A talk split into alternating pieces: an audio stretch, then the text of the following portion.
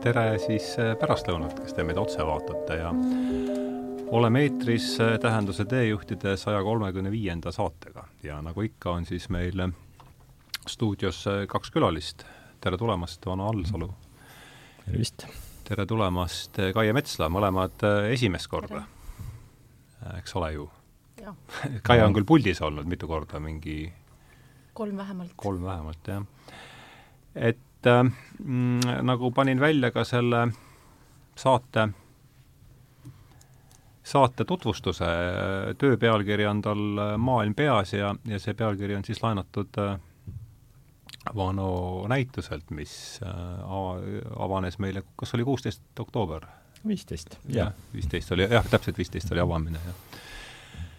ja jääb ta siis avatuks äh, äh jaanuari lõpul, eks? jaa Tartu Kunstimuuseum. Tartu kunst, jah, Tartu Kunstimuuseum -hmm. ja siis me käisime seal äh, avamisel ja seal see, see on siis selle saate taust, kuidas see ja vana oli lahkesti nõus tulema stuudiosse, suur tänu sulle selle eest. Ja ja no siin on mitmeid võimalusi, kuidas seda jutuajamist alustada, aga aga ma hakkan oma isiklikust äh, muljest pihta, et nii kui ma sinna saali jalutasin, esimene töö, mis ma nägin, oli laste ristikäik ja, ja, ja, ja nüüd täna küll selgus, et see minu laast, mis ma kunagi Postimehele kirjutasin, oli küll rüblikute ristiretk, aga, aga põhimõtteliselt need mhm. räägivad ju ühest ja samast asjast, et äh, hüppame sealt äh, sisse teemasse, et äh, kus rää,, räägi palun selle maali sünniloost ja jah ja., laste ristisõda, ma täpsustan, mitte, mitte norivalt, mõte jääb samaks.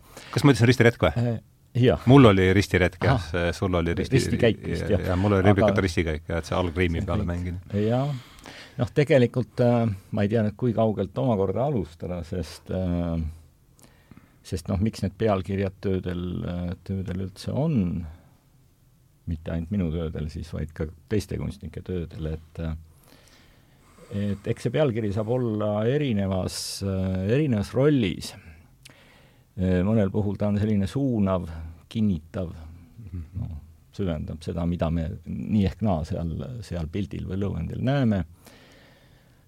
Mõnel puhul on ta noh, võib-olla sihilikult selline vastuoluline, selline nihestust tekitav, aga kui me nüüd tuleme sellise abstraktse maakunsti juurde, just nimelt ma enda loomingut päris abstraktseks sada protsenti ei tahakski nimetada, aga abstraktsem või abstraktse võitu on ta kindlasti, siis, siis üks võimalus on see, et see siis töö nimi või, või pealkiri loob tegelikult mingi paralleelse kulgemise sellega, mida me näeme pildil mm. -hmm. ehk et, et vaataja seisukohast, siis, siis üks asi on see, mida ta näeb ja, ja teine on see mõttetelg, mis võiks siis tekkida, kui ta on ka seda nime teada saanud.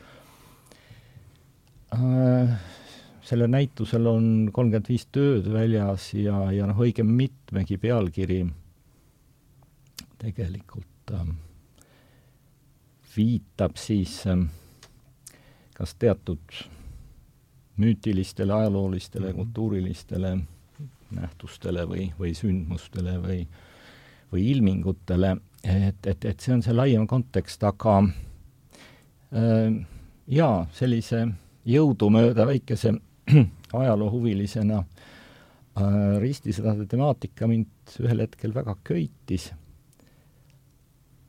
esmalt võib-olla isegi sedakaudu, et et ajaloos tagasi vaadates tundub, et see oli mingi väga lühike episood või avantüür mm. -hmm mindi sinna ja, ja siis võideldi saratseenidega ja, ja, ja, ja nälgiti ja siis põgeneti ja nõnda edasi, aga tegelikult ju see kestis vist, kui ma ei eksi, peaaegu kaks sajandit mm. -hmm. et, et seal äh, kujunes tegelikult täiesti, täiesti omaette selline küllaltki vabameelne ja omanäoline, omanäoline kultuur. aga vabandust, ähm, äh, millest veel nüüd võib-olla hargneda, on, on seesama kontrasti küsimus, mhm. et äh, tegelikult selles samas sõnapaaris on ju mingisugune väga suur vastuolu, ma usun, et see, see kõlab, jah, kõlab kõigi jaoks isegi, isegi noh, ilma sellesse ajaloolisse konteksti süvenemata mm. -hmm.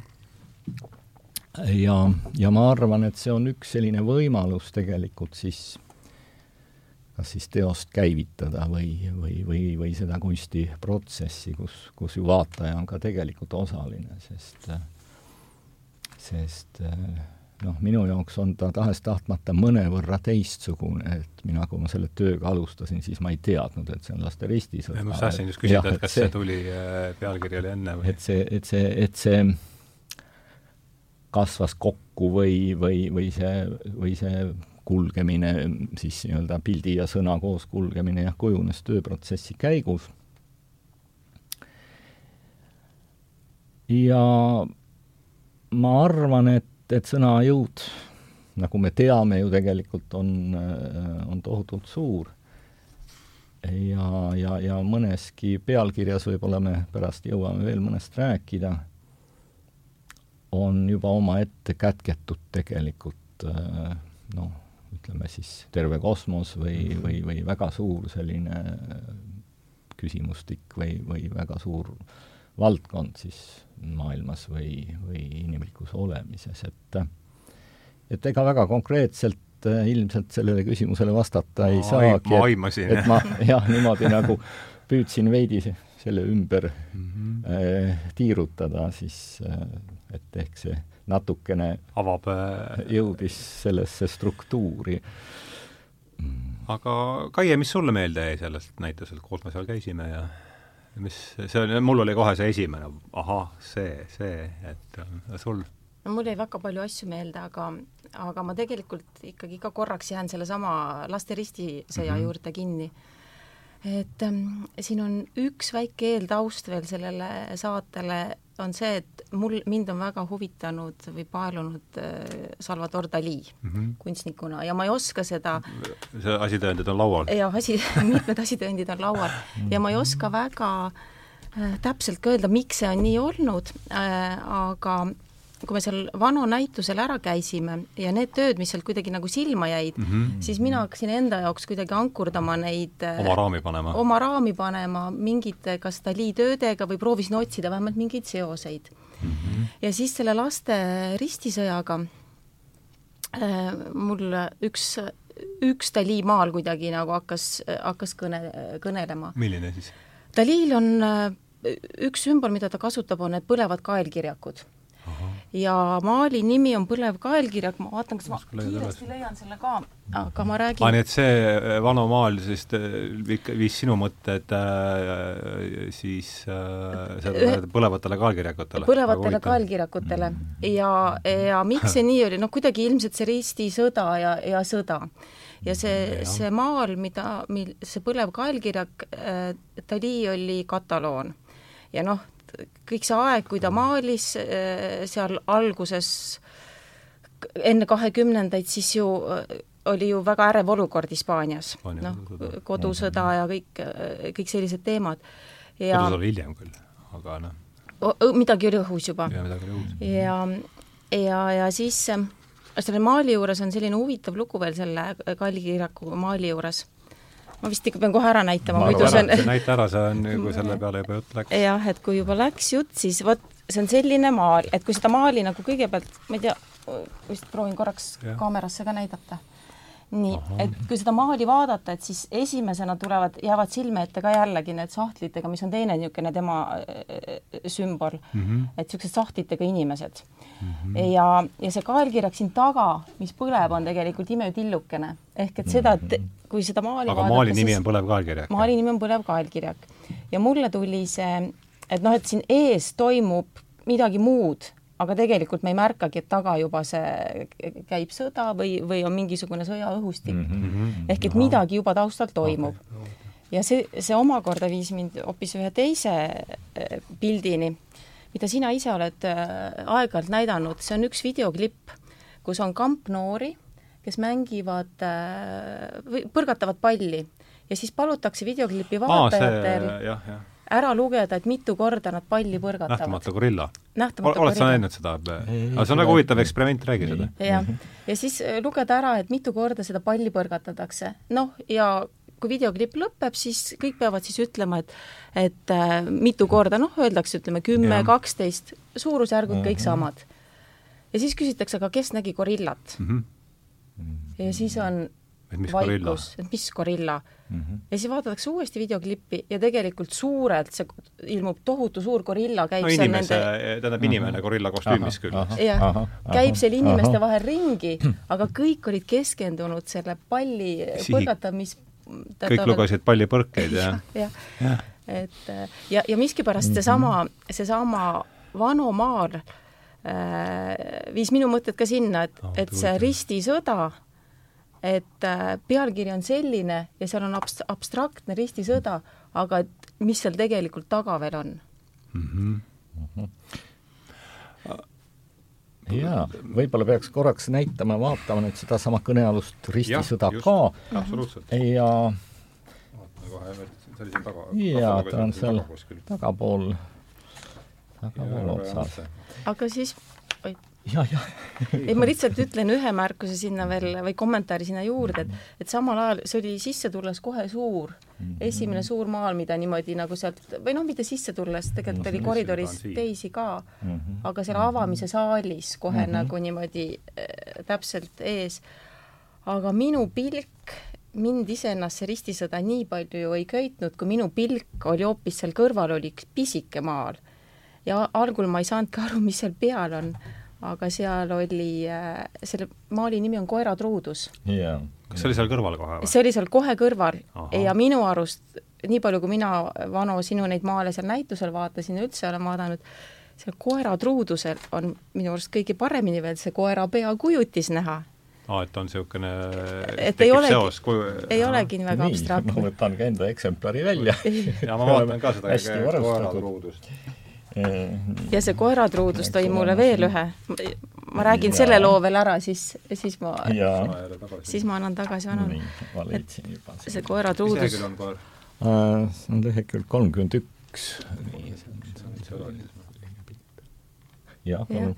ei, see koeratruud- siin on jah, siin on koer täitsa äratuntav. jaa see meenutas mulle seda Sheldrake'i eksperimenti jälle, vaat mul tulid mingid eksperimendid meelde mm, -hmm. et tema teeb, et ta räägib äh, telepaatiast ja siis on kahe kaameraga filmitud eksperiment, kus ühes mm -hmm. toas on vana proua, istub kiiktoolis, loeb lehte ja peaaegu noh, ei liigutagi, koer lamab kõrval mm. -hmm. ja kilomeetreid eemal on bussis mitmed inimesed, äh, kes, ähm, üks neist on tema tütar, kes siis hakkab kodu poole liikuma. see oli sekretär vist? Oli sekretär? jah, sekretär okay.. jaa, no aga see ei olnud eba ja siis niipea, kui nad sinna bussi istuvad, eh, nii näitab, et see koer kohe liigutab seal ja läheb sinna ukse juurde ja. nagu ootama. et noh, vanaproual ei ole kuni selle hetkeni, kuni keegi toast sisse astub midagi, mingit mõtet. aga see koer ja. on tõesti äratuntav selles mõttes, et see on ka vist ainuke, kas see on mm., on see niisugune on see, on see taotlus, ikka ju ta ikka taotluslik ja, on? kohe, ei, vaata, ei ole see nii lihtne. ei, ma kohe räägin ja ei, ma võin öelda, et ma usun loomadesse selles mõttes ja iga, iga aastaga üha enam.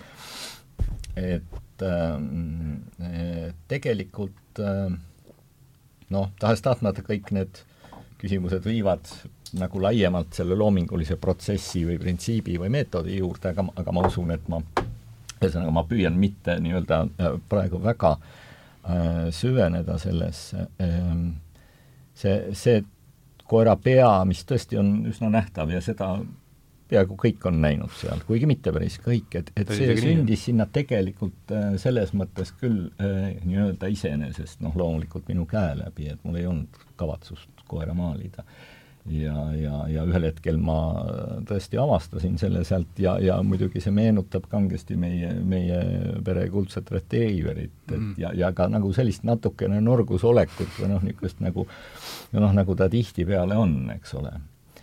nii et noh, mõnes mõttes võib-olla hea näide sellest siis filtersüsteemist mm., kus peale filtrite ilmselt noh, peab olema veel midagi mille tulemusena siis minu tööd, tööd sünnivad.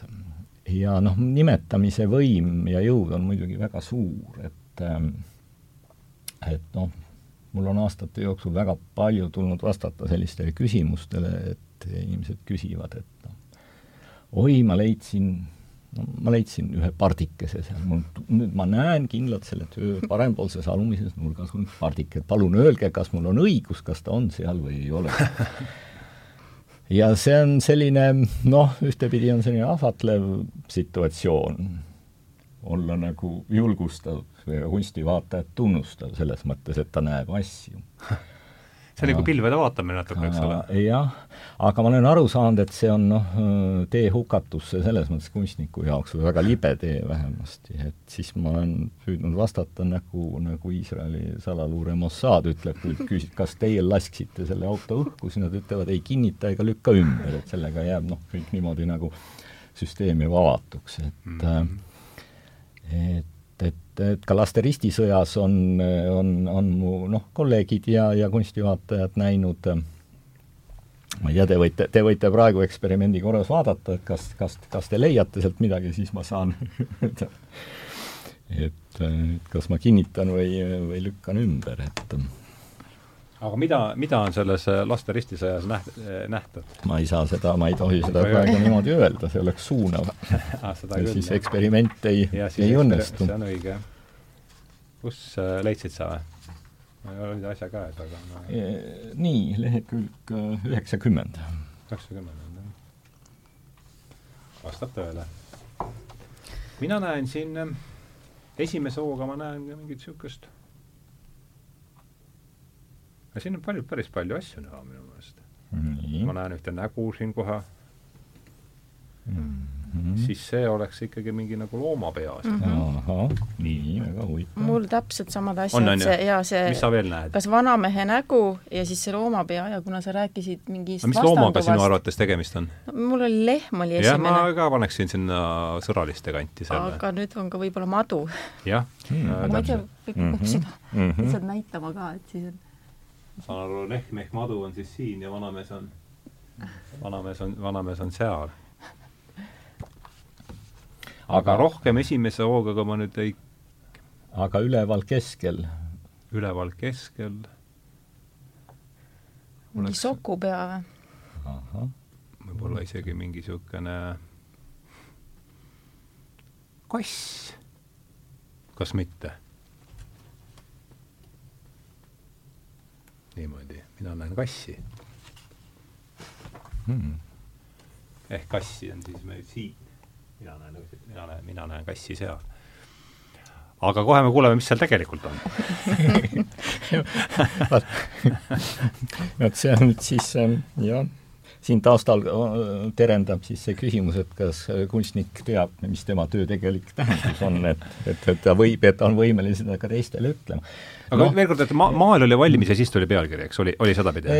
või te seal poole peal kuidagi? ta tuleb vahel poole peal, vahel veerandi peal, vahel kolmveerandi peal, vahel tuleb ka hiljem, aga mm, -hmm. aga üldiselt enne ta ei, üldiselt ta enne ei ole, aga ütleme siis erandkorras, kuna, kuna praegu on nii põnev, siis ma natukene võib-olla, kuna erand kinnitab reeglit, et siis natukene rikun seda enda, enda põhimõtet ka, lihtsalt osundan mõnele võimalusele, mis siin on, et et siin, siin üleval keskel, ma arvan, võib näha sellist mingit kolpa, võib-olla mingi loomakolpa nagu. Need inimesed, kes oskavad loodusega ainult suhestuda. see kolp oleks siis siin või? jah, selline see, kas siis võib-olla mingi ja, sarviline, võib-olla oinas, äkki selline kõhn kõrbest võib-olla liivasest leitud mm -hmm. kolp, et, et, et seda tüüpi asi, mida need inimesed koguvad, kes suudavad loodusega suhestuda ennekõike siis, kui see on, on nagu surnud või, või eelnevalt surmatud aga, aga siin jah, tõepoolest siin kaks tegelast ilmselt keskel, keskel aimdub.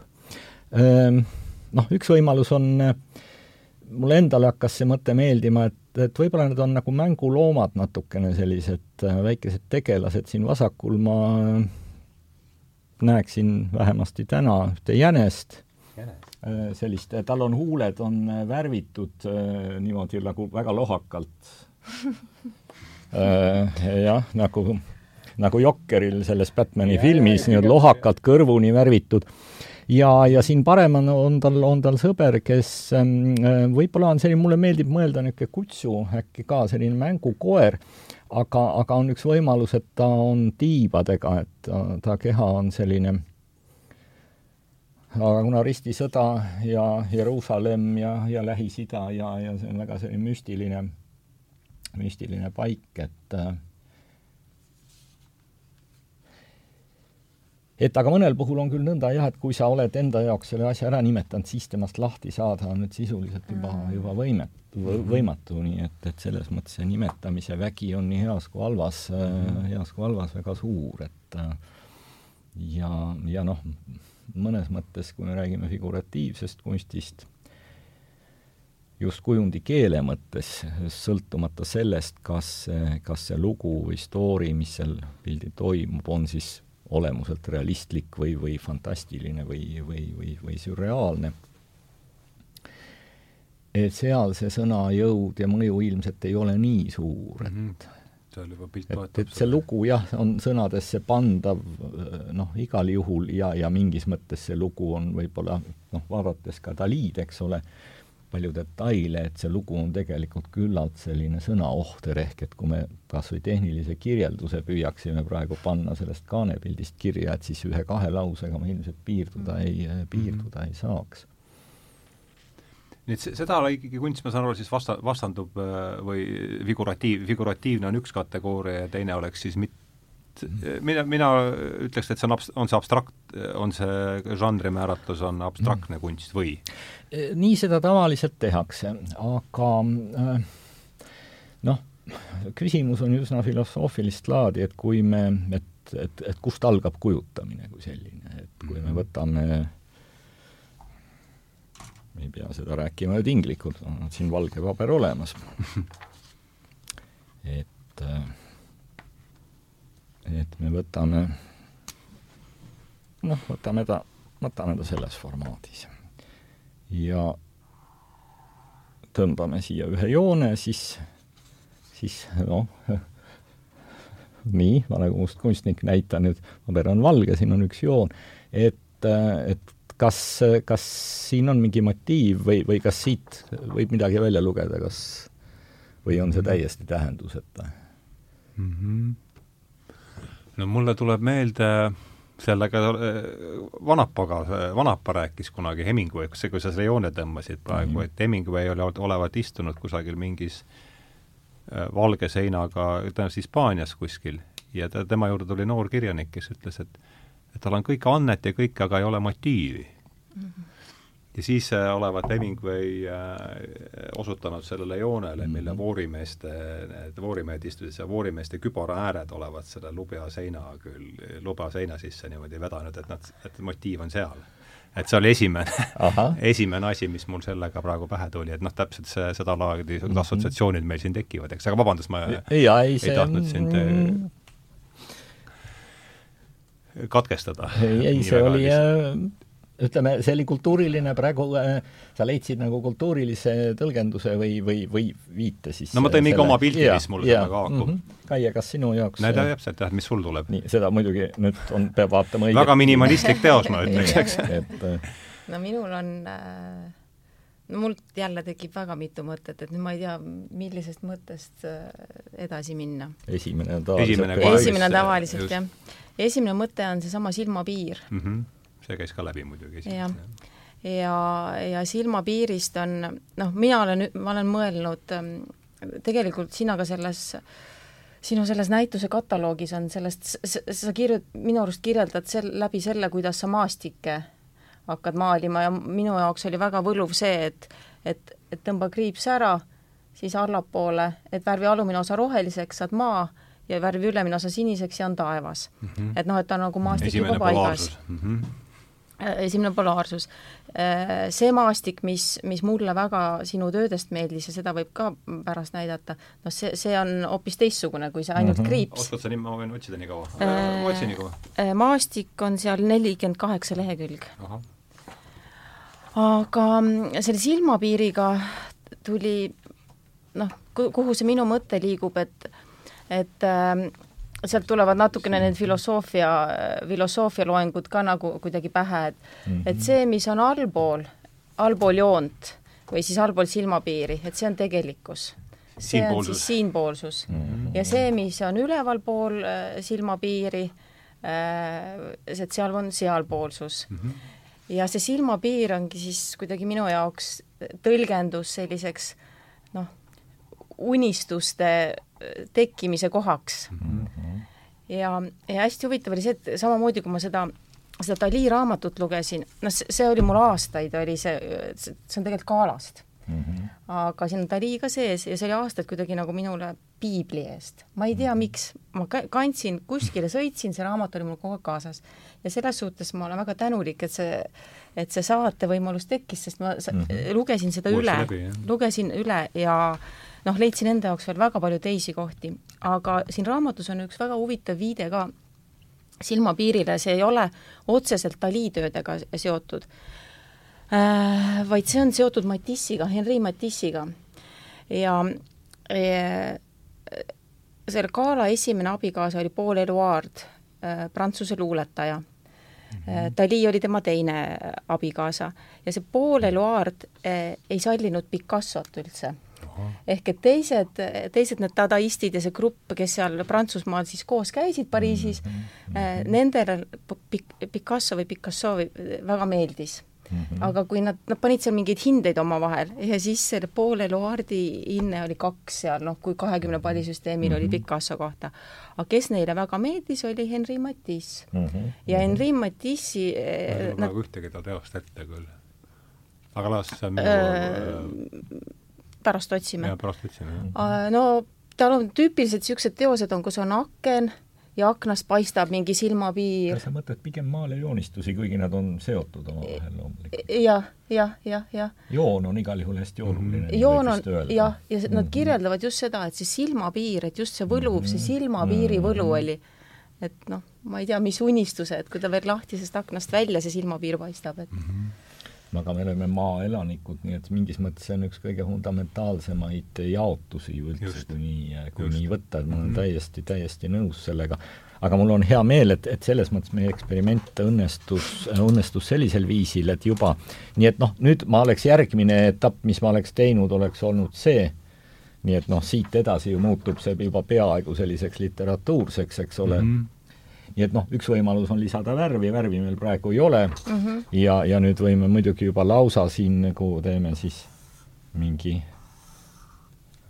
nüüd võiks juba kirjutada ju sellest no vähemasti novelli, ma arvan, tee, mis viib kaugusse, et, et mis seal kõik võib juhtuda, rääkimata sellest, mis on silmapiiri taga, et see on aga, aga nii, et tegelikult siis jällegi võib-olla mitte, mitte päris otse vastates, et et eh, jah, jah ja ei, et kas ma pean ennast abstraktseks kunstnikuks, et et noh, ega sellist täiesti noh, me saame rääkida vormiüldistusest või, mhm. või minimaalsusest, aga, aga aga tähenduslikkuse mõttes, et nüüd seesama, ütleme, alt roheline, pealt sinine silmapiiriga töö ju mingis mõttes võib olla väga teatud kauguselt vaadates. kui ma sõidan vahel Piibe maanteed äh, sõidan Tartust Tallinna, siis veidi enne Jõgevat vasakut kätt on üks selline väga suur lame küngas. Eestis üldiselt seda ei näe, et sul silmapiiri ei lõpeta nii-öelda mets või midagi taolist, on ju. aga see on just selline koht, kus äh, noh, ma usun Tallinna pool Jõgevat, jah? ta jääb, ta on natuke enne Jõgevat Tartu poolt tulles. aa, Tartu poolt tulles? jah, jah. kas mul tuleb ette? Ja, ja ma kujutan ette, et seal siis see silmapiir on ehk kilomeetri kaugusel äkki, võib-olla, siis see nii-öelda künkahari, mis selle mm -hmm. moodustab. ja, ja, ja ma alati vaatan lummatult seda, noh ilmselt kui elaks stepis või, või, või kusagil seal, siis noh, näeks neid vaateid iga päev, et see on et see mm, üks Eesti luuletaja ju ka sellest äh, ma vist välja ei kirjutanud seda. Äh, seda tsitaati. aa ah, jaa, vot Karl Ristikivi, mis on mõisa metsa taga, sellest on vist laul ka tehtud või esitatud. mis on mõisa metsa taga? jah, jah, küllalt sugestiivne, ikka natukene selline, isegi ma ütleks selline natuke õõva tekitav või selline kummaliselt nagu äh, kõhedust tekitav on, on see lugu, kuigi jah, ühest küljest ta räägib ju nagu mingist sellisest igatsusest ja, ja vististi ma nüüd nii täpselt ei mäleta neid sõnu, aga ilmselt ka võib-olla noore inimese igatsusest või noh, näha, mis maailma avastada. aga, aga, aga see vaade on päris tähtis. aga veel korraks tagasi hüpates selle gorilla näite ja, ja selle juurde, et, et noh, et mis tegelikult paistab ja et kui ma olin koolipoiss, siis mul oli, oli õnn äh, Tartus tollal siis kaheksakümnendate esimesel poolel äh, suhelda sellise äh, filosoofiga nagu Tõnu Luik, ma usun, see nimi on vist tuttav noh, paljudele, kes on Tartu Ülikoolis õppinud. ja, ja tema ütles ikka, tal olid paar sellist, paar sellist noh, ütlust, mis mulle jäid hästi meelde ja on mind ilmselt ka, ka mõjutanud, et üks oli see, et kõige nähtavam on kõige varjatum mm, -hmm. nii et noh, see gorilla eksperiment ilmselt ka kinnitab seda mhm. mingis mm -hmm. mõttes.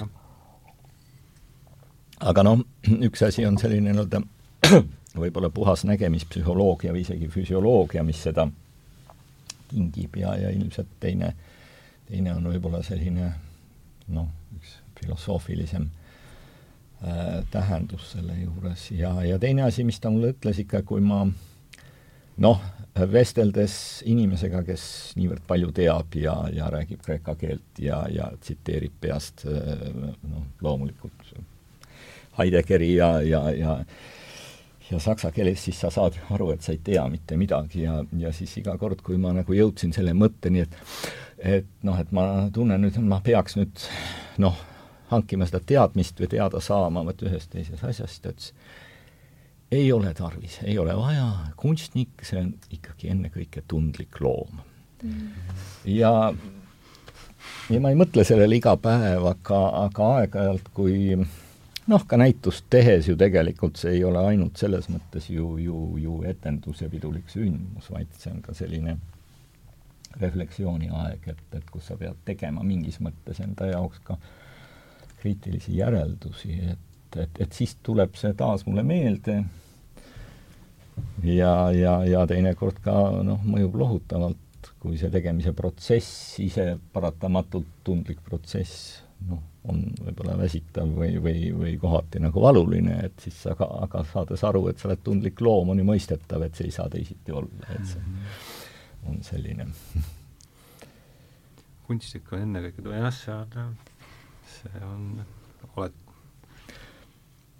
meeldejääv aga noh, sedastus. aga loomulikult kunst kui nähtus on, on, on ju kaasajal niivõrd mitmekesine ja, ja, ja selgelt siin, selgelt siin ei ole ühte, ühte niisugust paradigmat või, või, või ühte viisi, kuid, kuidas kunsti tehakse, mõistetakse, nii et see on noh, ütleme, see on see suundumus, mis nagu mulle on, on sobinud ja, ja, ja siis noh, alati on hea hea näha, et, et kui on ka neid inimesi, kes haakuvad sellega siis noh, samasugusel viisil ja, ja võtavad ennekõike seda vastu, mis seal on, sest noh, alati võib nii-öelda äh, abstraktsest tööst võib ju otsida neid figuure, noh, mis seal, ütleme ülearu palju seal nimetatavat äh, kraami ei saa ju olla ja ei saa ka olla selliseid noh, nagu ütleme, kui me võtame muusikamaailma paralleeliks, et kui on ikkagi selline selline noh, mingisugune pikk lugulaul või, või mingisugune, kus jutustatakse nii-öelda muusikasaatel mingit lugu, eks ole, et, et sellist, sellist narratiivi ei saa ju, nii nagu instrumentaalmuusikas on ju, ju ka üksnes siis võib-olla pealkirja ja mingite viidete toel tuleb tegelikult see, see lugu siis ikkagi välja lugeda vahetult sellest samast ainesest, siis kunsti puhul või maali, noh, kui me räägime praegu kunstist, siis pigem ikkagi sulgudes seal ees on see sõna maalikunst, et mm, -hmm. et vastasel juhul ja. me äh, Läheb me ei, ei, ei, ei, ei jõuaks, ei jõuaks ilmselt, ilmselt kuhugi. aga no teine teema, mis siin oli, on juba tulnud sisse, on äh, Dali ja, ja noh, ma tõesti mäletan, et see on algusest, nii kaua kui ma sind tunnen, on see Dali on kuidagi olnud äh, teema, et kas sa, ma ei mäleta, kas ma olen seda üldse küsinud, et äh, et ka, mäletad sa, kus sul see, kus sa sellesse Dalisse niimoodi äh, metafüüsiliselt armusin. Jah, et kuidas, kuidas sa samasse, kuidas sa temani jõudsid üldse ja, ja sikutame seda niidi otsa natukene vahepeal. sikutame. Äh,? Mäletan äh,, mäletan küll ja see juhtus väga kummalisel moel. Mm.. et see ei tulnud üldse algselt läbi maalikunsti mm, -hmm. vaid äh, see on üks viisteist aastat tagasi, ma sain kingituseks sellise rohelise lõhnaõlipudeli, heleroheline, Dali nende huultekujuline ja seal mhm. peal oli äh, see Dali signatuur mm. -hmm. see oli esimene niisugune pidepunkt, et oo, see oli hea lõhn ja see oli huvitav pudel mm. -hmm. ja, ja siis, siis järgmine oligi, ma arvan, et see võis olla noh, mitte rohkem kui aasta hiljem, siis ma sain selle raamatu. Ise ostsid või kingiti? Kaala äh, ja mul on selline tunne, et jõuluvana Aha. tõi selle raamatu mulle mm. -hmm teema pidi siis kuidagi ikkagi olema üleval? teema oli üleval ja, ja kuidagi see mm, -hmm. kuidagi see huvi mulle pakkus. ja kui ma hakkasin seda raamatut lugema, noh, ma võin ausalt öelda, et mina ei ole olnud väga suur ajaloohuviline ja loomulikult ma õpin ära need faktid, aga kui sul puudub see mhm. üldine raamistik, siis need lähevad jälle meelest ära. Ja see raamat oli esimene, eh, mis tõi mhm. andis jälle raami mingi? andis raami, sest et see, et millal sündis noh, Gala sündis tuhat kaheksasada üheksakümmend neli, Dali oli tast kümme aastat noorem, tuhat üheksasada neli. Äh, noh, surmadaatumid jäävad kaheksakümmend kuus, kaheksakümmend üheksa, et või üheksa, kaheksakümmend kolm, kaheksakümmend üheksa, et kui ma mõtlen seda ajavahemikku äh, Euroopas, äh, kaks sõda jäid sellesse ajavahemikku, siis kunstivooludes, seal olid see dadaism, sürrealism äh,, ja juba abstraktsionism seal lõpus äh, minu arust nagu niisuguse kunstnike vooluna vähemalt nagu näitas mingeid ilminguid mm. -hmm. mul puudus eraldi, mul puudus nagu nendest kõigist nagu niisugune mingisugune pilt, noh, sõnu olid kuulnud, aga pilt puudus. Ja nüüd läbi nende aastate, läbi selle Gala ja Dali loo mm -hmm. hakkas mulle, jooksid sõjad kuidagi mm, -hmm. jooksid need Mm, André Breton, Max Ernst, Paul Eluard, kõik need prantsuse mhm. luuletajad jooksid, jooksid ilusti pilti, siis see sõjast emigreerumine Ameerikasse, kui Dali ja Galasid mhm. üldse ära sõitsid, mis siis Ameerikas oli, mhm. kui nad tagasi tulid, mis siin oli ja noh, kui veel seda pilti laiemaks võtta, siis Gala sündis ju Venemaal. ehk, ja kokku said nad Šveitsis, sest nad olid tiisikus Daliga ka või? ei, Daliga ei saanud, Daliga said nad Katakuesis kokku.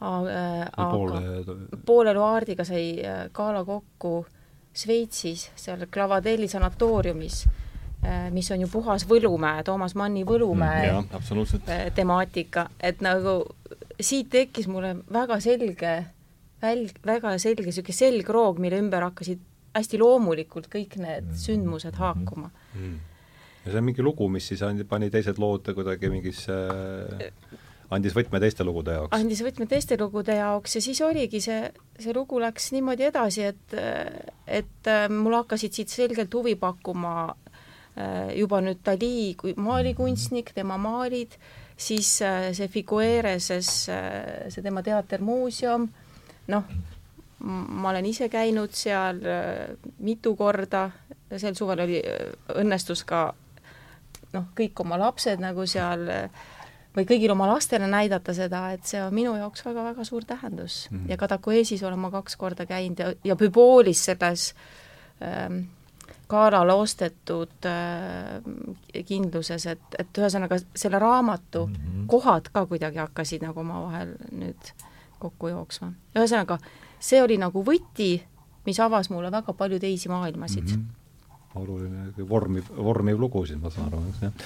aga räägi palun, äh, Vano, et kes sind on niimoodi inspireerinud äh, ütleme, maailma nimedest, eks me kõik ju mm -hmm. mingil määral, kes me siin ringi tuusaldame ühest või teisest, ühe, ühe või teise majaka järgi mõnda aega vähemasti oma, oma kurssi seame yeah., et et no noorusest kuni siis äh, praeguse ajani. kindlasti ei jäta seda võimalust kasutamata, aga ma praegu huviga püüan äh, Kaiele sekundeerida selles mõttes või võib-olla kommenteerida seda, et et jällegi, ütleme, kui me, see on selline äh, tavapärane võrdlus, tort, et torti viilutada, et kui me seda kunstitorti nüüd viilutame, siis, siis üks viilutamise võimalus on ka seda, et et on see teatud selline etenduslikkus ja just praegu ka sind kuulates sain ma aru, et, et noh, et Dali tegelikult väga paljuski, eks ole, küsimus ei ole ju ainult nendes piltides, eks ole, mis on omaette oma sisult ka väga lavastuslik mm, -hmm. eks ole, mhm. see, seda võib väga kergesti kujutleda teatrilavale, eks ole mm -hmm., kaelkirjakud ja, ja, ja ja kõiki neid tegelasi ja kogu tema see elulugu, eks ole, on kahtlemata väga selline nagu teatraalne, eks ole mm -hmm.. kohati kindlasti ka rõhutatult ja, ja ega siis kuulsate kunstnike puhul ju ka, et ütleme nõnda, et, et noh, ei ole nad ju, ei ole nad ju sageli üksi, eks ole, nad on ka osad juba tollasest siis kunstimaailmast, kõigist neist liikumistest, rääkimata seostest siis teiste, teiste kultuuri tegijatega. ma mõtlen, et kui panna teisele poole talle nagu noh, nagu teist tüüpi kunstniku näide, no võib-olla kõige paremini sobiks Van Gogh, kui rääkida nendest mm -hmm. kõige-kõige suurematest mm -hmm. nimedest, mida tõepoolest, ütleme mm, -hmm. enamik inimesi teavad. ja eks selge on see, et ähm, noh, see on omaette jutt, mhm. arutleda, mis põhjustel, aga ütleme siis nii nagu, nii nagu kogu ajaloo kirjutamine olemuslikult on selline ikkagi ilmselt loominguline, loominguline tegevus, siis noh, kunstiajaloo kirjutamine seda enam et, et kuidas seda nagu värvi lisatakse selle draamale, sest no Van Goghi puhul ma usun, kõik teavad seda lugu tema kõrvast mm. -hmm. Mm -hmm. ja, ja, ja, ja seda, et ta külmetas ja et ta müüs siis vististi ühe töö nagu oma eluaja jooksul raha eest, eks ole, et noh, et see on nagu noh, see inimlik draama on, on nagu selline sajaprotsendiline. nii et noh, et, et mingis mõttes võiks ta nagu asetada sellist teist tüüpi teist tüüpi kunstniku selliseks nagu äh,, nagu, nagu, nagu sümbolkujuks mm. -hmm. aga kõigi nende puhul mul on tunne, et siin on ikkagi selline üks asi, mis erutab nagu, nagu siis kunstihuvilist või lugejat kes loevad, me kõik, kes me loeme siis, siis kas eluloolist romaani või on seesama niisugune ütleks ohverduse aspekt või see, et noh, et mul on tunne, et, et selleks, et hinnata kellegi loomingut kõrgeks, kuulub sinna juurde sageli see. noh, Picasso puhul tal oli väga palju naisi, tema pereelu, ütleme siis, ei olnud selgelt harmooniline, et seal on võib-olla see draama aspekt, eks mm -hmm. ole. muidu ta oli ju selline väga noh, jõuline tüüp ja ta nagu noh, tundub, tundub nagu füüsiliselt ei kannatanud, pigem vastupidi, eks ole, et ta oli selline jõuline, et, et ja, ja, ja samamoodi Dalil omad draamad, eks ole, Edward Munchi puhul äh, mäletan, koolipoisina lugesin seda, seda, mis, mis tollal oli ilmunud, see biograafiline lugu, et noh, tema siis painetest ja ärevustest, kuidas ta talvel ei, ei, ei saanud äh, seal Oslos minna sealt künkast alla, sest talle tundus, et lapsed kelkudega kihutavad talle järele ja nii edasi ja nii edasi, et noh, et kõik need neuroosid ja asjad, et et ma mõtlen ise seda, et miks see on tegelikult äh, eks see ei kehti ainult kunsti kohta kindlasti, vaid kirjanduse, teaduse ja kõige, kõige muu kohta, et, et ma ei tea, kas Stephen Hawkingi sõnad oleks nii kaalukad olnud eales, kui, kui, kui mm -hmm. kannataks füüsiliselt.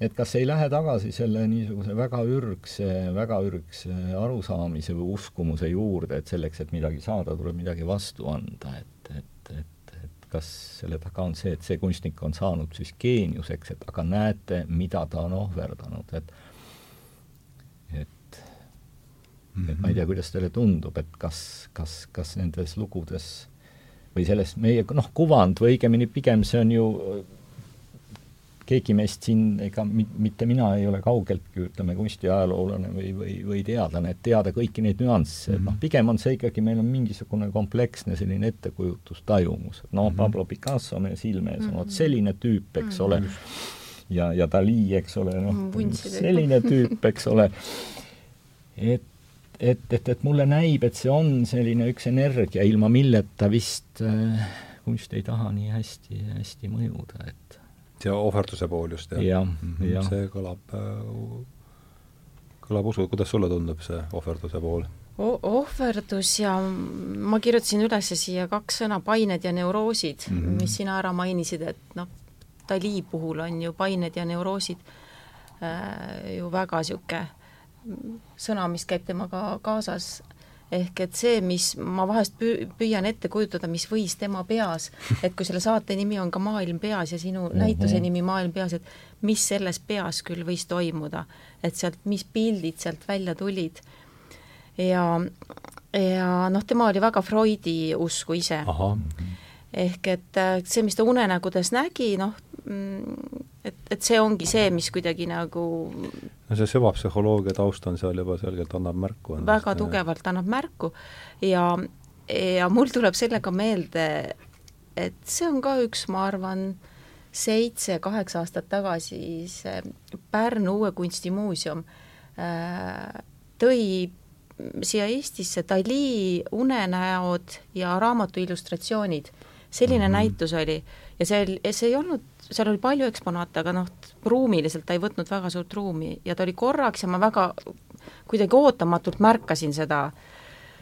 ja see, mis sealt, ütleme, need pildid, mis on -hmm. nendes raamatutes siin, need maalid, noh mm, -hmm. need on ikkagi siin värvid juba mängivad ise, need on ilusad ja noh, kuidagi isegi sa need võikad detailid kohati nagu noh, suudad kõrvale lükata, need värvid taandavad selle ära. Aga seal noh, siis ma sain aru, et oi jumal, jumal küll, et, et tema peas mm, -hmm. et ja see on ka ohverdusega võib-olla kuidagi seotud, mhm. et ei tule niisama. see ei tule üldsegi niisama. ja noh, lihtsalt selle näituse üks, üks niisugune äh, ma ei tea, omapärane hetk on see, et, et äh, ta tegi ju, kui ta õppis Madridis, siis äh, Dali, siis ta oli ju koos seal selle äh, Buñueliga mm, -hmm. selle Hispaania filmikunstnikuga ja äh, Federico Garcia Lorcaga. ja nad olid niisugune kolmik, kes seal omavahel siis Nad olid Lorcaga nii lähedased, ma tean, sellest on juttu olnud. ja, ja Lorcaga olid nad üldse väga lähedased, sest Lorcale Dali väga meeldis ja, ja Lorca oli väga-väga pettunud, kui Kaala ilmuski nagu sinna pilti mm. -hmm. aga aga siis seal selle näituse ees oli tehtud niisugune ta-, Andaluusia koerast oli, näidati seda Andaluusia koera filmi, mis on siis esimene sürrealistlik film, mille Buñuel ja, ja mm -hmm. siis Dali koos tegid. ja seal oli pandud ilusti niisugune noh, kino vaatamiseks viis tooli, kardinad ümber ja siis võis sinna sisse minna, kardinad tõmmati kinni ja siis sai vaadata. ja mina mõtlesin, et mul olid lapsed tollal väiksed noh, niisugused ikkagi, keegi ei käinud koolis veel ja mõtlesin, et nii lahe, et noh, et kuidas lastel tek-, et tekitada nagu näituse huvi, et lähme kinno. ja, ja siis rivistasin nad kõik sinna sellesse Andaluusia koera vaatama ja kuidas algab Andaluusia koera esimene stseen. see on meeldejääv. silm mm -hmm. ja tš, silletiga läbi mm. -hmm. mul on ka meeles, kui ma seda esimest korda nägin telekast mustvalgelt, vaat mis see nüüd on et, äh, et jah, ühesõnaga minu lastel on see siiamaani meeles. see, see film. kuidas on see mõjutanud nende suhtumist kunsti kui sellisesse, kas äh, õnneks positiivselt, et äh, no nüüd sa muidugi avasid ühe ukse, mis ma pean veel ära rääkima aga nüüd ma tulen selleks me oleme tulnud siia. nüüd ma tulen sellest Andaluusia koerast, tulen ikkagi nüüd aastaid edasi sinna äh, sellesse kohta, kui me käisime mm,, käisime Triinega eh, siis seal Figuereses esimest korda vaatamas Dali muuseumi mm. -hmm. ja mina olin selleks reisiks Hispaaniasse väga tõsiselt ette valmistunud, sest ma mõtlesin, et see on ikkagi, see ongi nüüd see kunstireis, kus mina hakkan maalima ja ma olin äh, pakkinud kaasa paberid, äh, akvarellid, olin ostnud puusütt, presssütt, see kõik tuubi sees olid kõik koos, kohver oli noh, üks osa kohvrist oli täis neid. olime Barcelonas, käisime, vaatasime Gaudi asju ja kõiki ja ei tekkinud ühtegi korda niisugust tunnet, et, et võtaks need välja. noh, nagu isegi sundi ei tekkinud. ja siis ma olin juba kergelt pettunud, et noh, ju siis nii jääb, et mm, et äh, ei tulnud seda hetke. Ja sõitsime ära siis Figueresesse, käisime selle teatermuuseumi läbi, mulle jälle see avaldas väga suurt mõju. Ja siis -hmm. läksime, läksime õhtul, võtsime sealsama söömaja, et me ei jõudnud tagasi sõita ei Barcelonasse, ei Cadacuesi, ja siis minul und peale ei tule. ja siis, noh, me olime seal neljakesi, mu sõbranna oli ka oma lapsega see oli ikka korralik niisugune maalilaager mõeldud mm. -hmm. ja, ja kõik läksid magama ja mul und ei tule. ja siis võtsin vaikselt, proovisin omal sealt kohvrist kätte saada paberi, siis söed, see, kedagi üles ei tahtnud ajada, võtsin telefoni, mobiiltelefoni, sellega näitasin valgust ja siis ma lihtsalt sketšisin neli pilti ja et hommikul kõik, kõik üles ärkasid, siis mul oli neli pilti ja midagi see, siis käivitas kujutlusvõime? midagi käivitas ja, ja mis asi see meie selles kunstigrupis edasi käivitas, oli see, et kõigil tekkis nüüd tunne, et oi, aga kus meie pildid on. siis sõitsime mere äärde, see oli sügisene koolivaheaeg, mere äärde, see oli kõik tühi, baarid olid lahti, läksime ühte baari sinna, noh, kõik olid väga rõõmsad mm, -hmm. serveerisid meile niisugused suured kokteilid, lõime oma kõik pliiatsid, paberid lahti ja siis terve päeva, nii lapsed kui meie siis maalisime seal ja lõpuks olid kaks ümberkaudset paari olid rahvast täis. tekkis selline melu, sest et oli tekkinud niisugune maalilaager sinna. et, et see oli lihtsalt see, mis ähm, kuidagi mul seda kunsti tegemist et mingi impulss on mingi nagu, saab tagasi minna nagu vähemalt hiljem siis aru saades, et mingi impulss oli oli esimene, aga enne seda sinu suhe kunsti tegemisse, kas sinna jäi pikk paus sellest ajast, kui nii-öelda kõiki sunnitakse natukene vastu tahtmist kunsti tegema üldhariduskoolis mm -hmm. või midagi taolist, või sa olid ikkagi vahepeal ju mm, kas sinu enda nagu selline maaliharrastus ja tegemine oli siiski alanud eelnevalt või kui, kui kaua nii-öelda sa oled tegelikult nüüd käed värviseks juba teinud või, või hoidnud, et kas see Dali oli enne seda, oli enne, kui sa ise pintsli käes või kätte võtsid või see oli jaa ta..., see Dali oli ikkagi, Dali oli mhm. vahetult enne, aga mitte väga, ta oli, ta oli mõned aastad, ma julgeks arvata, et kolm-neli aastat ennem, mhm. sest et seal, kus meiegi tutvus algusse sai, oli see Sälli stuudio mm. -hmm. see tuligi, ma arvan, üks niisugune kolm-neli aastat pärast seda, kui mm, -hmm. kui ma äh, seal juba ka niimoodi Daliga olin tutvust teinud mm. -hmm. ja nüüd on üks lugu veel ja siis ma rohkem oma lugusid võib-olla ei räägi. et, et see on mul Vanoga seotud mm -hmm. sealsamas Sälli stuudiost ja see on abstraktsionismiga seotud. nii, ma kuulan nüüd kõrge ärevusega sa saad teada, no seal meil oli niisugune tore pühapäevarühm mm, -hmm. kellega me siis täiskasvanud harrastajad äh, koos käisime ja siis ühel sellel kursusel äh, pakkus Anneli meile, et nii Vano tuleb, teeb abstraktsioonisti ab,, sti-, abstraktsionismi kui stiili või mm -hmm. et viib meid siis natukene selle teemaga kurssi. ja oli esimene tund, noh, meile oli väga huvitav, sest et noh, see tundub ju nii lihtne, et no mis see on, et mhm. võtad ja paned plärts-plärts värvid suvaliselt ja pilt jälle valmis. ja see oli see kursus, kus mina esimest korda sain aru, et et see, et sa suudaks midagi abstrak-, abstraktselt head teha, selleks pead sa olema väga palju realistlikke pilte ennem teinud, vähemalt see oli minu mulje mm. -hmm. ja esimene töö, mida Vano pani meid tegema, oli see, et võtke nüüd paber ja hakake, tõmmake triipe mm -hmm. ja pange värvid ise kokku, et tehke nagu noh, piltlikult öeldes Muhu mhm. seelik. Mm -hmm.. rahvariide tribustik. jah, ja see oli oluliselt keerulisem, kui see niimoodi öeldes võib tunduda. väga huvitav, nii et äh, see on hea niit, niidiots, mida nüüd edasi sikutada, et see esimene tund inimestega, kes ei ole abstraktse maalikunstiga pistmist, kellel pole, et ma saan aru, et Muhu seelik oli siis niisugune esimene.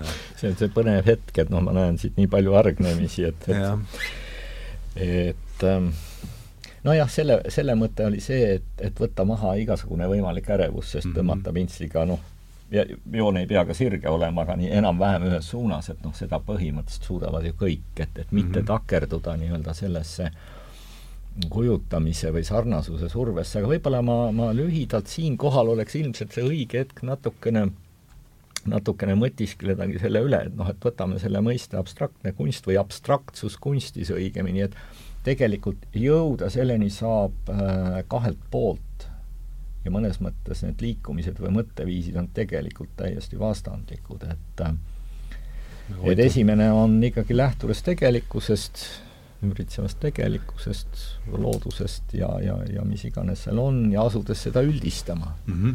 Mm -hmm. seda saab üldistada järk-järgult või ühe korraga, eks Otsima ole. seda vormi sealt tagant, kahekümnenda sajandi modernismis on ju, on ju ka küllalt noh, Terään näiteks tuleb meelde selliseid näiteid, kus kus äh, minu arust oli temal need sellised õunapuud, mis lõpuks ütleme jah, muutub noh, selliseks tõesti kaarekeste ja joonekeste selliseks pilveks, eks ole ja, ja, ja Mondrian ja, ja kes kõik tegelikult on, või see oligi Mondrian äkki, veidi sassis. ja aga, aga teine suundumus, mis on nüüd olemuslikult mõnes mõttes täiesti teist laadi, aga kust võib jõuda sarnasesse punkti, on nüüd see, kui me ikkagi loome need kujundid siis ei millestki mm -hmm. noh, ei millestki on muidugi väga pretensioonikas, loomulikult see on ühest otsast ja teisest otsast, jah? jah, et noh, et loomulikult me ju äh, ei ela vaakumis, me oleme inimestena, meie pead on täis mõtteid, kujutlusi, eks ole, selles tähenduses keskkond on meid ju eluaeg mõjutanud, nii et noh, me ei saa öelda, et me jumalikult loome nii-öelda noh, ei millestki, aga, aga siiski noh, ka mina kuulun selle teise suuna esindajate hulka selles tähenduses, et kui ma siis äh, mõnel hilisel tunnil tavaliselt siis pimeda ajal asudes tööle, kui, kui kõik muud segajad on, on võimalikult taandunud, et siis ähm, ega see on iga kord nagu uuesti alustamine. Ja, ja mul ei ole kinni haarata ju selles tähenduses kuskilt, kui mul nagu oleks see mõte, võib ju ka, ega siis see tegelikkuse üldistamine võib toimuda ka mälupiltide baasil mm -hmm.. noh, mõistagi, eks ole. see koduküngas, mille tagant mille taga aimdub midagi salapärast näiteks või, või, või, või mis iganes motiiv, Tallinna vanalinn, eks ole, või minna koju ja seda püüda peast maalida, mingit tunnet. Et, et need tegelikult on, nad võivad viia meid sarnase tulemuseni, aga, aga olemuselt on nad küllalt, küllalt erinevad. Ja võib-olla ka, kui rääkida kompositsioonist kõige üldisemas mõttes noh, kompositsioon ju ka universaalne mõiste ju, mitte kaugeltki ainult kunsti puhul, ei saa sellest rääkida, siis ka siin ma näeks nagu kahte sellist äh, lähenemist. Et üks on ikkagi see, et kavandatakse mingisugune struktuur. Hmm. noh, võtame Mondriani näiteks, äh, need rangelt geomeetrilised asjad, noh ilmselgelt seal on struktuur kavandatud ja siis on üks ristkülik on maalitud siniseks, üks punaseks, üks kollaseks, on ju. Mhm. noh, võib, võib arvata, et nad ei ole sinna lõuendile noh, paiskunud mingisuguse väga sellise spontaanse protsessi käigus, eks mm. -hmm. Aga, aga teine võimalus on, on hakata seda kasvatama, kasutades seda materjali, mis siis on äh, kunstniku jaoks ju tegelikult noh, rääkides maalist praegu ikkagi on ju, on ju, on ju seesama värv, eks ole, füüsilises mõttes, optilises mõttes ja, ja see viis, kuidas sa seda sinna lõuendile kannad ja kui sa teda sinna üha kannad, siis tegelikult sealt hakkab midagi välja kooruma, sealt hakkab moodustuma mingi struktuur, midagi suuremat, tahes-tahtmata. kui sa ei võta nüüd ette, et sa teed äh, joonlauaga jooned ette ja teed äh, sinna lihtsalt värviplekikesi, noh siis ei pruugi selles tähenduses midagi tekkida, aga, aga ikka tekib. et, et võib-olla ka helide puhul ma kujutan ette, et kui läheks et see ei kõlaks nüüd kuidagi nagu nii-öelda kolonialistlikult halvasti, noh et nagu kujutad, kujutluspildis läheks ürgmetsa ja seal elavad siis ma ei tea, kas pärismaalane on praeguseks ka nagu võib-olla no oletame, et see on ikka veel kasutatav. no ütleme, loodus, loodus, loodusrahva tähendab selles tähenduses, kus inimesed elavad kontaktis loodusega, neil ei ole, ei ole eriti tehnilisi abivahendeid, aga, aga on tugev kogukond ja, ja mm. inimesed suhtlevad ja, ja lõke põleb ja nad istuvad seal ääres ja, ja neil on vaja muusikat ja rütmi ja keegi hakkab siis äh, seda rütmi otsima ja keegi liitub temaga, noh, see on kollektiivne, eks ole. ja sellest ju kujuneb ka tegelikult mingi kompositsioon, mingi mm -hmm. struktuur, eks ole mm, -hmm. sinna tekivad sisse mingisugused äh, jaotused mm. -hmm. No see on Aga... ikkagi, suur teema on improvisatsioon, ma kujutan ette, või? Äh, jah, no see on kindlasti selles mõttes improvisatsioonilisem. Äh, see on päris huvitav, mõnes mõttes improvisatsioon saab tugineda ka ikkagi mingile vormile all nagu tõlgendus ja, ka ja. mingis mõttes, sul on nagu mingi see asi olemas, on ju, nii et kui ma nüüd loodust maalin, siin lähen motiivile kuskile, siis väga vabalt maalides ma võin öelda, et see on kindlasti improvisatsioon. Äh, jah, no ma, ma, ma usun seda, et, et, et, et, et see nagu kahesuunalisuse äh, võib-olla neid suundi on, saame me veel tuua, öeldes, et siin ei ole kaks dimensiooni, vaid, vaid neid on rohkem, aga, aga et kui me telgedes mõtleme, et siis, siis ma arvan, et, et rääkides siis üldistusest kunstis, noh, üks on, esimene suund on kindlasti Kandinski, eks ole, noh, öeldakse just see, et kes siis väidetavalt ka eh, siis ühe oma ikkagi loodusest inspireeritud maali oli pannud kogemata tagurpidi, tagurpidi siis või külili seina äärde ja siis vaadanud et noh, nii on tegelikult palju parem, eks ole. -hmm.. noh, lõpuks abstraktsus ju väljendusvormi või viisina on ju tegelikult ilmselgelt palju vanem kui, kui kujutav lähenemine. et, et, et ähm, ma ei ole kõige uuemaid andmeid otsinud, see nihkub üha ettepoole ajas, eks ole, aga, aga ka neandertaallased tegid seda, siis ütleme, see on ju teada. ja, ja ma pakun, et Äh, mõned aastad tagasi oli see ajapiir seitsekümmend tuhat aastat tagasi Lõuna-Aafrikast leitud siis äh, kritseldused kividel. noh, loomulikult oleks, oleks noh, edev väita, et tegemist oli abstraktse kunsti ilminguga, mis rituaalset või arvepidamise rolli need kriipsud võisid täita, me ei tea ega saagi teada. aga mm, jah, see kivi nägi selles mõttes selline minim-, välja kui minimalistlik, niisugune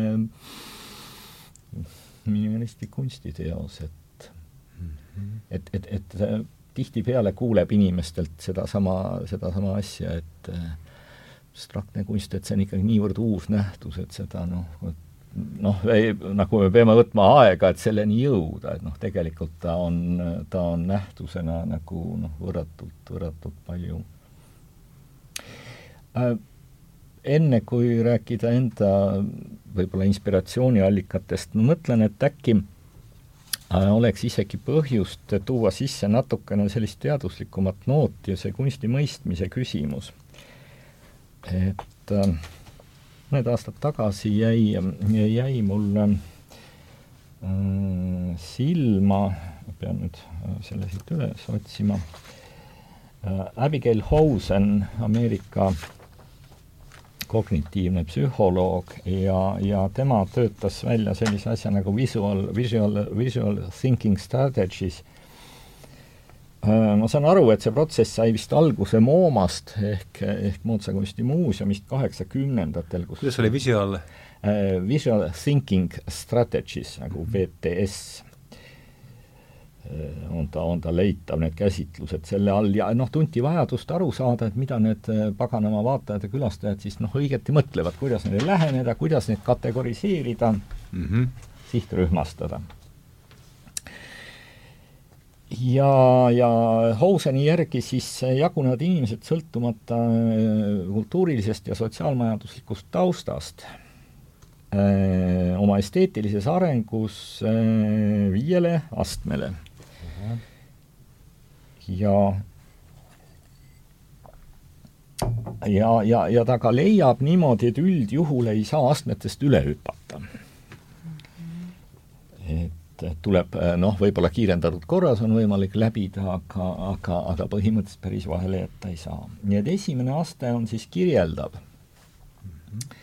Inglise keeles on siis accountive, accountive viewers, kirjeldavad vaatajad ja, ja, ja nende jaoks on see oluline, mis on pildilt tuttav, äratuntav, seostub temaatiliselt nende noh, enda elu ja, mhm. ja, ja lugudega. kuidas see inglise keele termin oli? Accountive. Accountive. Accountive viewers, jah. Need siis ja, ja, ja toimub tegelikult selline emotsionaalne sisseelamine pildimaailma mm. -hmm see on nüüd minu enda, enda niisugune interpretatsioon siia juurde, et mingis mõttes see on ka võib-olla nagu lapse tasand, sest noh, laps tegelikult on ka, see on hästi vahetu tasand ja mingis mõttes on ta selline kõige loomulikum, see esmatasand, seal ei ole nii-öelda mingisugust põdemist, mingisuguseid nii-öelda komplekse ei, ei ole vaatajal. aga, aga ta on, vot on selline lihtne. ja, ja teine tasand on siis konstruktiivne. siis constructive viewers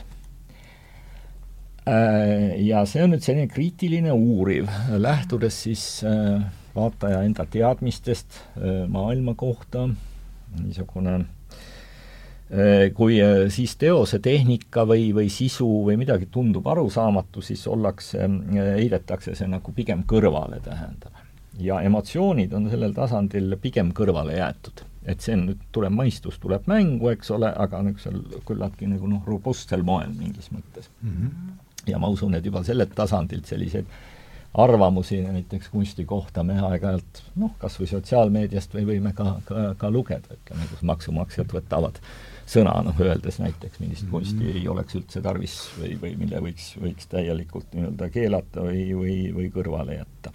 ja hinnatakse sellel äh, tasandil siis ka tehnikat, korrektsust ja seal on hästi oluline see kulunud töötundide hulk nii et siin majanduse poolelt mina ei ole asjatundja, aga ma saan aru, et see on suhteliselt selline marksistlik äh, tööväärtusteooria? Eh, jah, et, et, et ega ikkagi, kui ei ole sada tundi kulunud, et siis eh, noh, ka väärtus ei saa olla suur, eks ole, ja, ja mina olen neid vaatajaid oma elus ka päris palju kohanud, et, et ega nad enne rahule ei jäta, kui nad saavad ikkagi teada, kui mitu tundi sa täpselt oled kulutanud selle maali loomiseks, et noh, ja et vingerda nii palju kui tahes ja, ja siis ka oluline on siin mõõdupuu realistlikkusega, et noh, et sa nagu en... selles teises jah, konstruktiivses teises faasis, et, et, et vaatajad ise nagu defineerivadki seda, et noh, vot ei, see ei ole sarnane või see on noh, mhm. imelik või ei ole normaalne.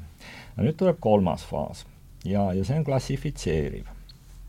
see on siis classifying viewers ja, ja siin tuleb nüüd äh, mängu kunstiajalooline vaatepunkt, ehk et siin hakatakse siis nägema sellist suuremat struktuuri, saadakse aru, et see teos, kunstnik, see nähtus ei, ei eksisteeri niimoodi äh, vabalt omaette, vaid ta on, on nii-öelda paigutatav, mõistetav mingis äh, mingis suuremas äh, struktuuris. Ja noh, stiilitunnused, eks ole, voolud, käsitlused, see on kõik täiesti äh,, kuulub siin ja ka siis äh, noh, kontekst teiste autorite näe, näo, näol, eks ole e,. Nii, ja, ja siis ka e, sellel tasandil üldiselt siis noh, vaataja usub seda, et tähendus ja sõnum on tegelikult ratsionaalselt mõtestatavad või sõnastatavad, et ikkagi see on mhm. selline mõistuse tähenduse ratsionaalselt saada, jah? jah, jah, et, et tähendus ja, ja see on minu, minu vaba, vaba tõlge ja, tegelikult sellest ingliskeelsest. ja nüüd tuleb äh, neljas faas, on siis tõlgendav. Interpretive, interpretive viewers. ja nüüd otsitakse isiklikku suhet teosega ja, ja hakatakse hindama selliseid nüansse meelelisi nüansse, värve, vorme selles tähenduses kuidagi vahetumalt ja, ja lastaks nagu teose tähendusel kuidagi ennast loomuldasa nüüd avada mingis mõttes.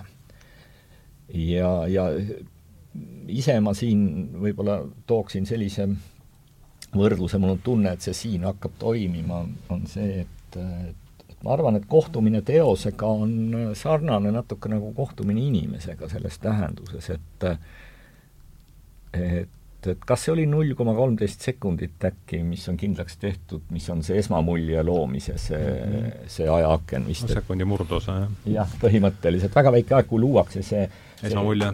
esmamulje, eks ole, sotsiaalne staatus, iseloom, kas on ohtlik, ei ole ohtlik, noh, kõik need niisugused tähtsad, tähtsad, tähtsad ja, ja kõik muud asjad noh, loomulikult eluliselt, evolutsiooniliselt kohtumine teise inimesega eriti üksildases kohas on nagu palju suurema, suurema kaaluga kohtumine teosega, noh, seal ei ole suuri ohtusid peale, peale, peale, peale igavuse või või midagi nii, aga, aga ma, ma usun, et noh, et see on see faas, kus, kus siin hakkab mingi komplekssus tekkima tegelikult, et see ei ole selline aeganõudev nagu mõtlus või analüüs või ei ole ka lihtsalt selline noh, niisugune puhas emotsioon, vaid, vaid siin hakkavad tajud tegelikult komplekssemalt äh, toimima. ja teadmised on nüüd intuitsiooni teostuses ja, ja teosega nagu igakordne tõlgendamine on uuenev ja täienev kogemus, et mm, -hmm. et, et nüüd ka siis ütleme niimoodi, et, et see ei ole nii, et jah, ma olen seda pilti juba näinud, eks mm. ole, vaid, vaid, vaid siin tekib ka äh, sisse niisugune ajafaktor, ma kujutan ette, et see Mali aeg nagu, rääkides jällegi Malist praegu piiravalt, siis et, et, et see hakkab nagu, hakkab nagu dimensioonina alles nagu tekkima ja, ja viies faas on taasloov ehk recreative mm. -hmm. Ja siin suheldaks, võib-olla ma oma kirjelduses natuke ruttasingi ette, et, et siin suheldaks teosega kui, teosega kui isiksusega, keda avatakse mm, -hmm. avastatakse üha uuesti, nii et jah, ma võib-olla natukene siin äh, oligi see juba selle viienda taseme kohta, mida ma hetke eest rääkisin, et ja vaatajal kujuneb nagu oma ajalugu selle teosega ja, ja tajutaks ka teose siis ökoloogiat jutumärkides kogu selle komplekssuses mm. -hmm. Um, jah see on äh, tegelikult niivõrd raskesti, võib-olla isegi ma loeksin selle lõigu inglise keeles ette, kui kui sobib, et, et mul on tunne, et ma ei suutnud selle tasandi, noh, võib-olla seda nagu elegantsi äh, nii avada, et äh, Hausen siis äh,, Hauseni järgi on siis nii, et recreative viewers having a long history of viewing and reflecting about works of art now willingly suspend disbelief. Mm -hmm. A familiar painting is like an old friend who is known intimately, yet full of surprise deserving attention on a daily level, but also existing on an elevated plane. As in all important friendships, time is a key ingredient, allowing stage 5 viewers to know the ecology of a work, its time, its history, its questions, its travels, its intricacies. Drawing on their own history with one work in particular and with viewing in general, these viewers combine personal contemplation with views that broadly encompass universal concerns. Here, memory infuses the landscape of the painting, intricately combining the personal and the universal.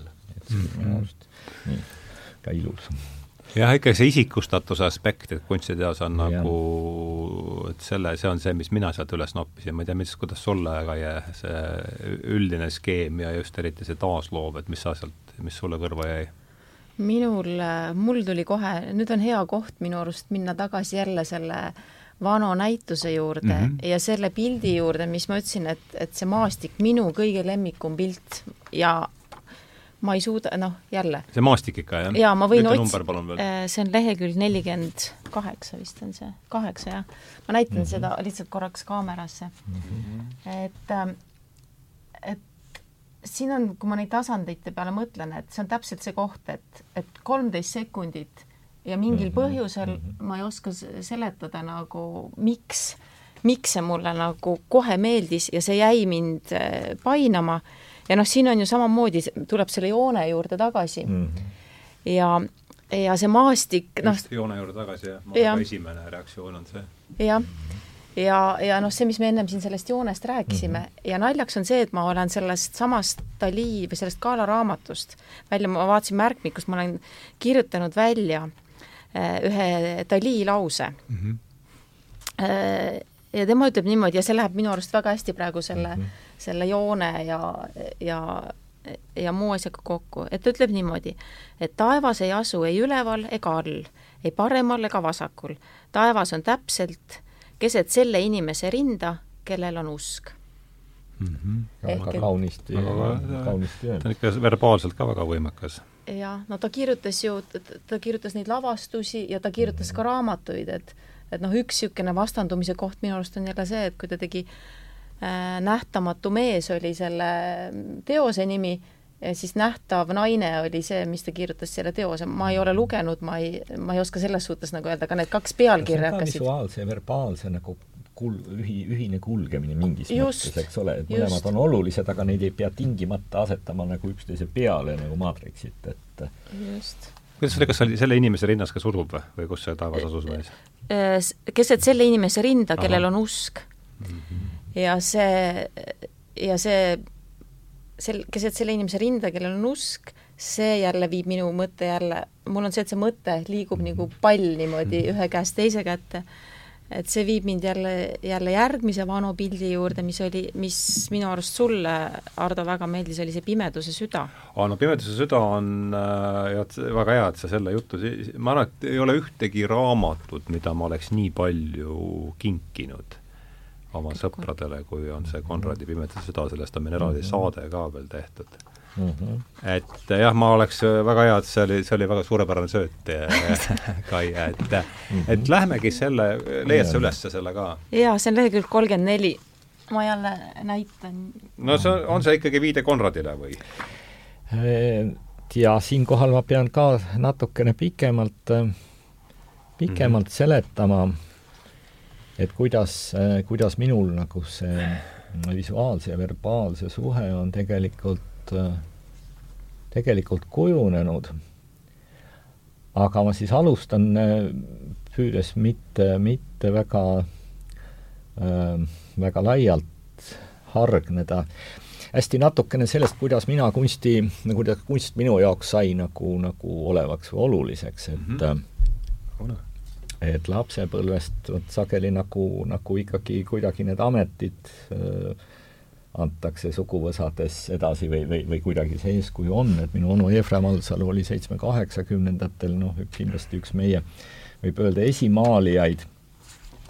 Ja, ja tegi ka päris palju noh, figuuri ja portreed ja, ja sellises noh, kerges, ma ütleksin, niisuguse elegantses, võib-olla sellise impressionistliku pintslikäsitlusega. Ja, ja ma olin kuskil kolme-nelja-viieaastane, kui, kui isaga koos käisime siis Tartu Kunstnike Majas, mis on siiani samas asukohas, aga, aga ta ei ole enam päris selline muidugi, nii et siis need esimesed äh, kus see kunstnike muuseum või kunstnike maja on, kus ta on? see on Vanemuise tänaval, jah, et nüüd nimetatakse teda kunstimajaks mm. -hmm. ja, ja, ja, ja siis need hämarad koridorid, parketi kääksumine selline ja siis nende suletud uste tagant tulvav siis noh, peamiselt ma arvaks õlivärvilõhn, aga, aga ilmselt siis ka noh, muud sellised nii-öelda kunstimaterjalide mm -hmm. lõhnad, et noh, et kui me räägime sellest peatselt sellest, sellest äh, nagu pimedusest ka ja mis sellest võib kasvada, et noh, seal on tegelikult kunstiga me seostame ju mingis mõttes sellist nagu väljavalgustatust, aga mm -hmm.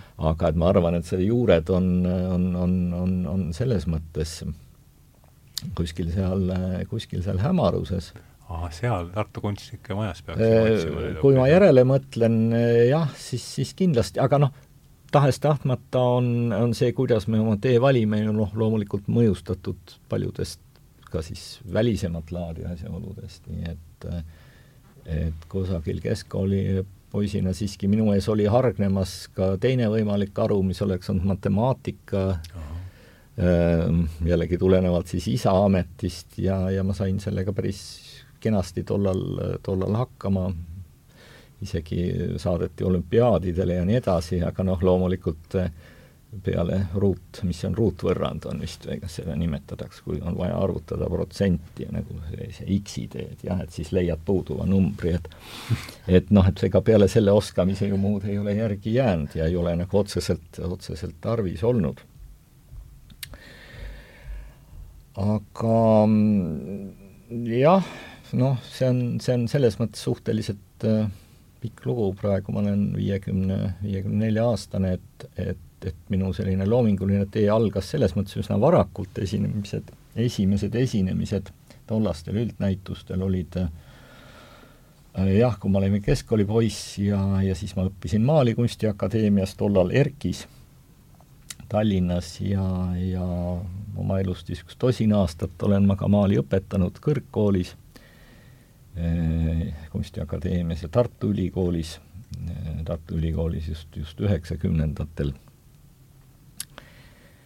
ja, ja samuti olen siis tegevametnik tegelikult nüüd juba kaheksa aastat Kunstnike Liidu juhtkonnas, nii et noh, see on väga lühi, lühike, väga napp kontekst selles tähenduses, et mm -hmm et, tahes-tahtmata ei ole ju looming nagu nii-öelda, looming ei ole inimese, inimese väline, et, et kõik see mängib mingit, mängib mingit rolli. Loomingu Raamatukogu, vot see on nüüd selline sari, mis on, ma arvan, kasvatanud ma ei tea täpselt, mitu põlvkonda võib öelda, et, et, et paar, paar, paar-kolm vist kindlasti. kindlasti, jah. Võib-olla, võib-olla ja noh, mõju ulatub ju ka tänasesse päeva, aga, aga et, et sealt tegelikult nüüd hakkavad tulema mingis mõttes need lood ja pealkirjad siis kuskil ähm, kes seda täpselt mäletab, olen ma seal kaksteist või kolmteist, neliteist, kui ma hakkan rohkem lugema, et suved siis äh, meie maakodus, seal Tartumaal ja olid eriti vihmased, mul on tunne, seal oli üks suur selline vihma, vihma, vihmaperiood kuskil äh, seitsmekümnendate lõpus, kaheksakümnendate alguses, ma mäletan ikka seda, et sadas nagu nädalate kaupa. Ja siis oli tore istuda pööningul ja seal oli kastide kaupa Loomingu raamatukogusid, et äh, päris kõiki ma läbi ei lugenud, aga aga, aga lugesin ka Pimeduse südame läbi, et äh, et, et, et ähm, seda on nüüd küsitud ka, et ähm, kes näevad ju neid seoseid, et, et mis see nüüd tähendab, et jah, et Konradil on selline romaan, eks ole, või kui me võtame noh, melanhoolia näiteks üks mm, -hmm. üks teema ja töö nimi, et siis ju tuleb meelde Türeri melanhoolia näiteks, näiteks Aha. kunstiajaloost või või noh, Edward Munkil on väga mitmeid melanhoolia maale kuni lõpuks Lars von Trieri filmini, filmini välja, eks ole. -hmm. et mis see siis nüüd tähendab, et ähm, kuskil, kuskil võib-olla nüüd kümnekonna aasta eest ma jõudsin mingis mõttes tõdemuseni, et, ähm, et visuaalsete piltide siis koosluste äh, hulk on ikkagi potentsiaalselt lõpmatu potentsiaalselt me võime luua erinevaid pilte miljoneid, miljoneid, võib-olla, võib-olla, võib-olla ka miljardeid, oleneb pildi suurusest, noh, kui palju seal piksleid on ja nõnda edasi, aga aga sõnade hulk on ju selgelt väga piiratud ja, ja kui me mõtleme eriti nüüd selles kontekstis, mida kõlbaks kunstiteosele nagu nimeks panna, et noh, väga suur hulk sõnu langeb ju ära. Mm -hmm.. üldjuhul need sidesõnad, igasugused abisõnad äh,, noh, selliste nublakate detailide nimed, eks ole, noh, me ei paneks kapinupp näiteks, see oleks nagu mõttetu, või ukselink, noh, no ütleme, äärmise erandjuhul võib, aga üldiselt mitte, et tegelikult kas need on ikkagi mingid viited loodusele, inimlikele seisunditele, ajaloole, müütidele, et ega see valik ei ole lõputult suur, ehk et paratamatult on tegelikult äh, vaja kasutada, kasutada nimesid, mis on juba kasutatud, millel on mingi tähendus juba tekkinud. ja, ja, ja siis ma kuidagi enda jaoks äh, mõtlesin selle selgeks, et, et ma tegelikult ikkagi olen püüdnud suhestuda vaimselt nende, nende pealkirjadega, mida ma olen kasutanud siis. mõnega ma olen suhestunud eelnevalt, nii et noh, Pimeduse süda minu jaoks, ütleme, see oli, oli minu mälus hoopis ju, ju selle raamatuna nagu kinnistunud aga, aga kuidas jätta kasutamata nagu niivõrd äh, noh, kuidas ma siis ütlen, tähendusrikas või, või, või niivõrd äh, suure jõuga selline sõnapaar, et et, et minu arust see juba omaette käivitab mm -hmm. noh, terve, terve, terve, terve pilve, pilve lugusid mm. -hmm. just mm. -hmm. et, et aga jah, et et äh, ma olen nagu selles mõttes teadvustanud, et ka teistel autoritel on, on, on, on selliste nimedega teoseid, et noh, et äh, noh, see originaalsuse nõue on kunstis ka niisugune vastuokslik asi, et, et ühest küljest sa peaks ju kogu aeg nagu üllatama millegi uuega, eks ole, ja see omakorda ilmselt noh, tuleneb sellest siis nagu äh, progressiivsest tsivilisatsioonist, mis meil täna on, või sellest vajadus, pidev vajadus innovatsiooni järgi tagasi pöörduda kunagi ei tohi, peab edasi liikuma. et aga noh, et ega tegelikult ju ei olegi, ei olegi võimalik ja ei olegi vajalik ja loomulikult mingid äh, asjad on esimesed, siin ma korraks, korraks, aidake mind siis nii-öelda rajale tagasi, kui ma peaks väga ära eksima sellesse, sellesse metsa, aga, aga no tuleme korraks Malevitši kuulsa Musta ruudu juurde, eks ole, mis on ju ka nüüd ikkagi kunstiajaloos väga selline ikooniline ja väga noh, olulise tähendusega äh,, olulise tähendusega teos, eks ole, et noh, et et see sõnum tegelikult, et teos võib olla ka lihtsalt must, noh, tal on ju ka valge ruut ja, ja, ja nii edasi, rohkem, eks ole, aga põhimõtteliselt noh, teatakse mingit musta ruutu, eks ole, et see on nagu mhm. inimestel silmes, kõik suudavad seda ka ette kujutada. aga, aga tahes-tahtmata noh, loomulikult võib ju maalida ka sellele tõlgendusi ja, ja võib eks, eks kunstiajaloos käib ju tegelikult pidev selline viitamine ja, ja selles mõttes tõlgendamine ka, aga noh, see, see esimene efekt ikkagi ju ta nagu jääb selles mõttes paratamatult ühekordseks, eks ole, seal midagi ei muutu, noh, ta on must, ta on ruut või ristkülik, eks ole, ja, ja, ja noh, see idee nii-öelda, noh, idee on nagu niivõrd minimaalne, et kui ma siit nagu võrdluse tooks, ütleme nagu füüsikamaailmas, see on nagu absoluutne null, et noh, et sealt mhm. edasi enam ei külmemaks ei saa minna, eks ole, aga, aga teises otsas on, on lõputus, eks ole. või kiiruse puhul samamoodi, noh, kui seisab paigal, siis seisab paigal, eks ole, aga noh, liikumine võib olla siis jah, noh, vähemalt kuni valguse kiiruseni. Nii et tegelikult noh, need on, need on sellised võib-olla nagu kahtlemata jah, märgilised tööd või sündmused, et kuidas üldse kunsti mõistetakse, mis on kunst, et, et nad on seal tähenduslikud, nad aitavad nagu selles struktuuris inimestel nagu loodetavalt siis, kui nad oma arenguastmelt on nagu seal, et nad, nad juba on nagu valmis, võib-olla just seal klassifitseerival äh, äh, siis kunsti mõistmise tasemel, eks ole, tegelikult nagu näha, mis kõik on võimalik, eks ole. siin on täiesti üks värvipind või võtame Ameerika sõjajärgne abstraktsionism, eks ole, seal samamoodi need color field painting, eks ole, ongi maal, on kõik ühte värvi, eks ole. see on selline absoluutne statement, aga, aga ta on nagu selles mõttes sealt nagu ühele poole saab minna, eks ole, värvi lisada, pindasid mm, -hmm. liigendusi lisada, teisel pool enam minna ei saa, et noh, et see on nagu vastu seina olek selles mõttes, aga kahtlemata ka väga tähenduslik, et mm -hmm nii, aga nüüd äh, aidake mind siis tagasi, et, äh, et kus me olime, pimeduse südame pimeduse südame pimeduse juures, südame juures, jah, et ähm, jah, ja see verbaalne pool, siis noh, mina ikkagi enda loomingus kindlasti nii näen ja, ja ma usun, et see on, on ka paljudel muudel puhkudel nii, et see, et see verbaalne struktuur on kuidagi, kuidagi nagu paralleelne Mm. et võib ka ju siis mõelda nagu vaim ja mateeria või mis iganes kunstiteos on ju teatud viisil materialiseeritud, eks ole, sõnad sealjuures on, on siiski nagu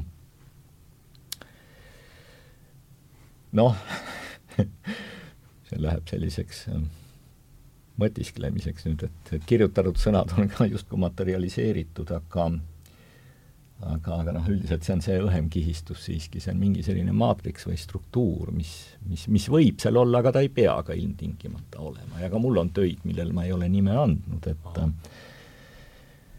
et, et aga ma usun, et seesama maal, loomulikult jällegi maali on hea näha näitusel, siis sa kohtad nagu inimest võrreldes mm. nagu päriselt, teine on siis näha tema pilti temast, eks ole, passipilti või, või, või Facebookis pilti, et ähm, et, et ma soovitaks kindlasti võimalusel ka seda näitust külat-, külastada ja, ja neid maale selles mõttes kogeda ja tunnetada, et ka see suurus mängib ju teatud rolli, kas mhm. töö on väga väike, nagu enne jutt oli, väike töö võib teatud kontekstis muidugi nagu mõjuda ja, ja torgata silma nagu isegi olulisemana nagu oli sellest koera, koera truudusest enne juttu ja aga noh, suur töö tahes-tahtmata, kui sa seisad selle ees, ta sind, ta sind noh, rohkem hakkab nii-öelda hõlmama ja mm -hmm. ja, ja mõjutama, et selles mõttes igasugune reprodutseerimine surub kõik äh, formaadid ju ikkagi nii-öelda ühesarnaseks, ta selles mõttes äh, tekitab, tekitab teatud sellise, teatud kõrvalekalde uh,. ma tahaks nüüd, Kaie, kas sa viia jutu, selle, kas me leiame üles Mali melanhoolia? ma tahaks küsida sinu muljeid selle kohta ja üldse selle sõna, see, kui me siin ette valmistasime seda vestlust, siis see sõna käis, käis läbi ja mulle tundub, et melanhoolia lehekülge võib-olla Vano saitid ise parem ma püüan. ma seni, kuni, kuni te vaatate, ma, ma tahaks ühe ja, ja kommentaari selle Pimeduse südame juurde Aha. veel öelda, et noh, kui mina seda Pimeduse südant äh, nägin, siis mulle esimene, ma olin väga tükk aega hoopis kinni äh, selles äh, Kurt Vonneguti selle Mother Nighti juures. ja, ja ja kuidagi oligi see pimeduse süda pimedus on eesti keeles. just nimelt. et siis Pimeduse süda tegelikult mul hoopiski selle ürgpimedusega oli väga no, kõvasti klammer. sa ei ole vist seda, kas sa Conradit oled lugenud või? Joseph Conradit. seda Pimeduse südant oled Pimeduse südant ma ei ole lugenud, aga me nägime etendust. see oli äh, linna, siis mul tuligi kuidagi ja see jõudis minuni hoopiski läbi selle, et jälle ma lugesin seda raamatut, Kaala raamatut äh, uuesti üle ja seal on seal on kahekümne esimene aasta on siis, kui Max Ernsti, seda saksa kunstnikku, hakkasid need prantsuse äh, sürrealistid tooma siis mm -hmm. äh, Pariisi mm -hmm. ja tegid äh, Max Ernsti näituse seal mm -hmm. ja, ja tema kollaažidest mm. -hmm ja see oli täielik läbipõr-, noh tol ajal muidugi pärast seda sõda sakslane Pariisis oli mhm. üldse juba mm -hmm. noh, niisugune mm -hmm. väga punane rätik äh, härjale mm -hmm. ja see näitus ei meeldinud, arvustused olid põrmustavad, Max Ernst tehti täiesti maatasa mm. -hmm. Ja siis on seal raamatus üks niisugune koht, kus aga, aga Kaal elas siis pool Eluardiga koos ja, ja pool Eluardile see Max Ernst kuidagi väga meeldis. Ja nad läksid Kaalaga koos Max Ersti äh, stuudiosse.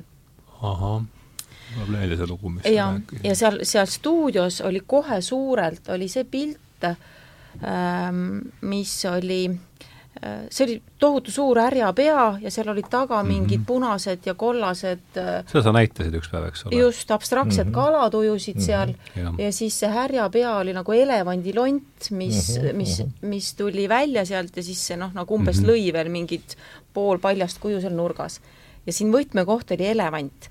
ja siis, kui see elevandilont tuli, siis läks minu jaoks ürgpimedus, muutis koha selle pimeduse südamega siis mul tuli mm. meelde, et see oli see etendus, kus elevandijahile, sinna Kongo jõge pidi ju neid elevandijahile mindi. no seal kõik kokku kõike, mis sealt Belgia Kongost võtta oli, jah. ja siis mul haakus see õige Pimeduse süda ehk see mm. romaan selle sinu pildi mm. Pimeduse südamega. kuidas mõte hüppab ühelt kivilt teisele, eks. väga naljakas. eriti, kui on nende piltidega tegemist äh,, selle alumise äh, pildikihistusega.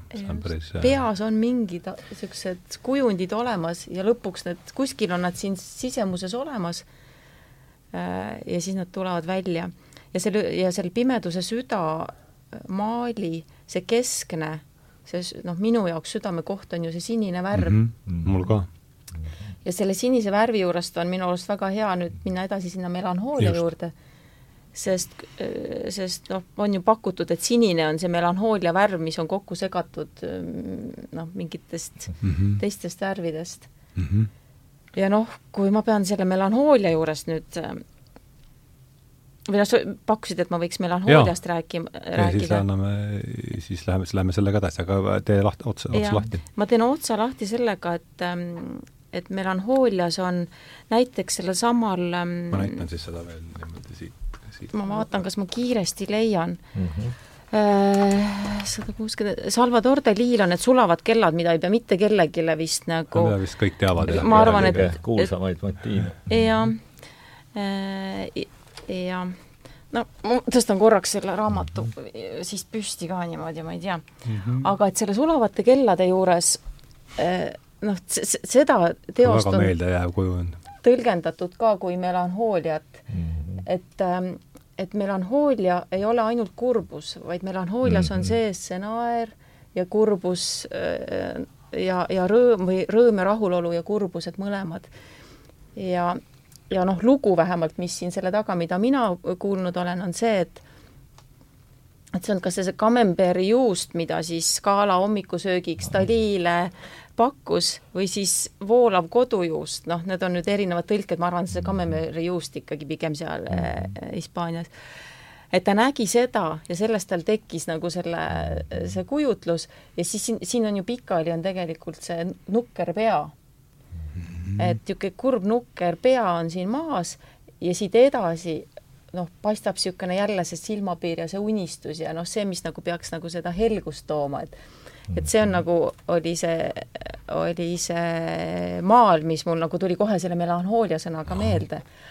aga melanhoolia Dali elus ju on väga suur hetk melanhoolial siis, kui ta kohtus kuuekümne viiendal aastal Amanda Leariga see, tema on öelnud, et Amanda Lear on see, kes tema jaoks melanhooliat Aha kujutab, et ta oli niisugune kahvatu ja nukker, nagu see nägu Amanda Learil ja tema need maniakaaldepressiivsed hood. siis Dali omad? ei, Amanda, Amanda Leari omad eh, tekitasid selle sama melanhoolia tunde. nii et ähm, see oli see, mis, mis, mis mul kohe seostus nagu selle melanhooliaga nii et äh, need äh, voolavad kellad ja mandaliir siis Dali poole pealt.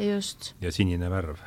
ja sinine värv. ja on kolm ja. asja, mis mina üles noppisin, kuidas ei, see mõjus väga nagu rõõmustavalt või lohutavalt, sest ma oleksin tahtnud samamoodi nagu öelda, et noh, et selline nagu nii-öelda esmane selline sõnaraamatu seletus tegelikult jah, melanhooliale on, on kuidagi noh, pigem nagu seotud sellise äh, depressiooniga ja, ja, ja kas ta keskaegses, kas ta keskaegses sellises teadmises, ähm, nüüd aidake mind, seal olid, ähm, mis olid need põhilised siis ähm, inimesel, need nii-öelda kehaained, veri, must mm -hmm. sapp, kollane sapp ja, ja siis oli vist veel mingi, mingi flegm või jah, see oli nende vedelike baasil käis kogu see eks ole, jah mm. -hmm ja, ja seotud sellega, et mm -hmm. mul on muide, äh, näitame seda ka, ma võtsin kaasa nüüd see Türeri melanhoolia ah, reproduktsiooni siin.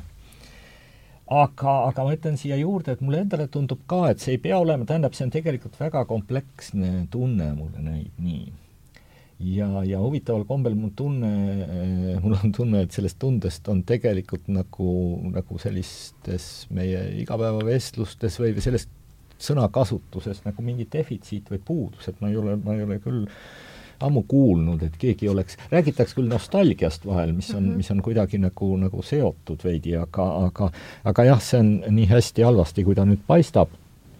ahah, nüüd tuleb ette küll, jah. jah, et see on, see on äh, üks neist kolmest võib-olla kõige kuulsamast gravüürist, seal on veel, veel Apokalüpsis ja ratsanikud ja nii edasi, Rüütel ja surm, eks ole. aga siin on ka see äh, täht, see melan-, nimega melanhoolia, nii et noh, et, et, et minu jaoks käivitub see Triiri nii-öelda mm -hmm. film ka kohe, kohe, kohe, kohe ja ei, see nüüd, nüüd mul tuleb ette muidugi jah, mul ei olnud aga see käis minu arust sealt Ilmani filmis ka läbi, see kindlasti käis see mm -hmm. kujund. jah, see käsi põsakil, ma vaatasin, seal yeah. on ka see käsi põsakil, et noh yeah., jälle see on, kuidas tõlgendatakse, et kui on käsi põsakil, et see on üks nagu see melanhoolia väljendamise tunnus. Karodani mõtleja, et noh, tegelikult äh, jah, noh, siit avaneb jällegi täitsa omaette selline, selline kosmos ja mõnes mõttes võib-olla ta on selle pimeduse ja tumeduse teemaga mm. ka seotud, et et, et sattusin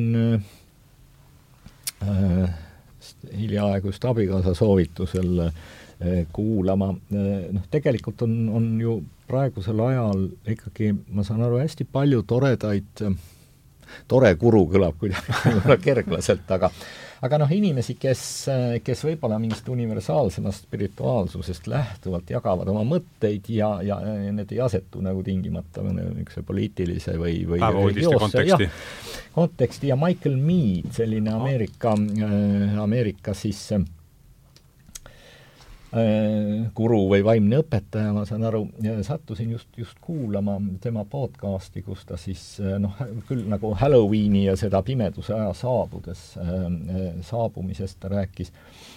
ja, ja mis mul sealt jäi kõrva, oli seesama asi, noh loomulikult me ju kõik teame ajapuudusest ja, ja see on midagi nagu infouputus ja selline noh, trafaretne, niisugune peaaegu nagu piinlik on, on üldse sellest kuidagi rääkida aga ta viitas seal ka sellele just, et noh, et tõepoolest, et meie kultuuriruumis kõige laiemalt siis ikkagi noh, aeg on selline lineaarne, mis, mis sammub nii-öelda vääramatult ühes suunas.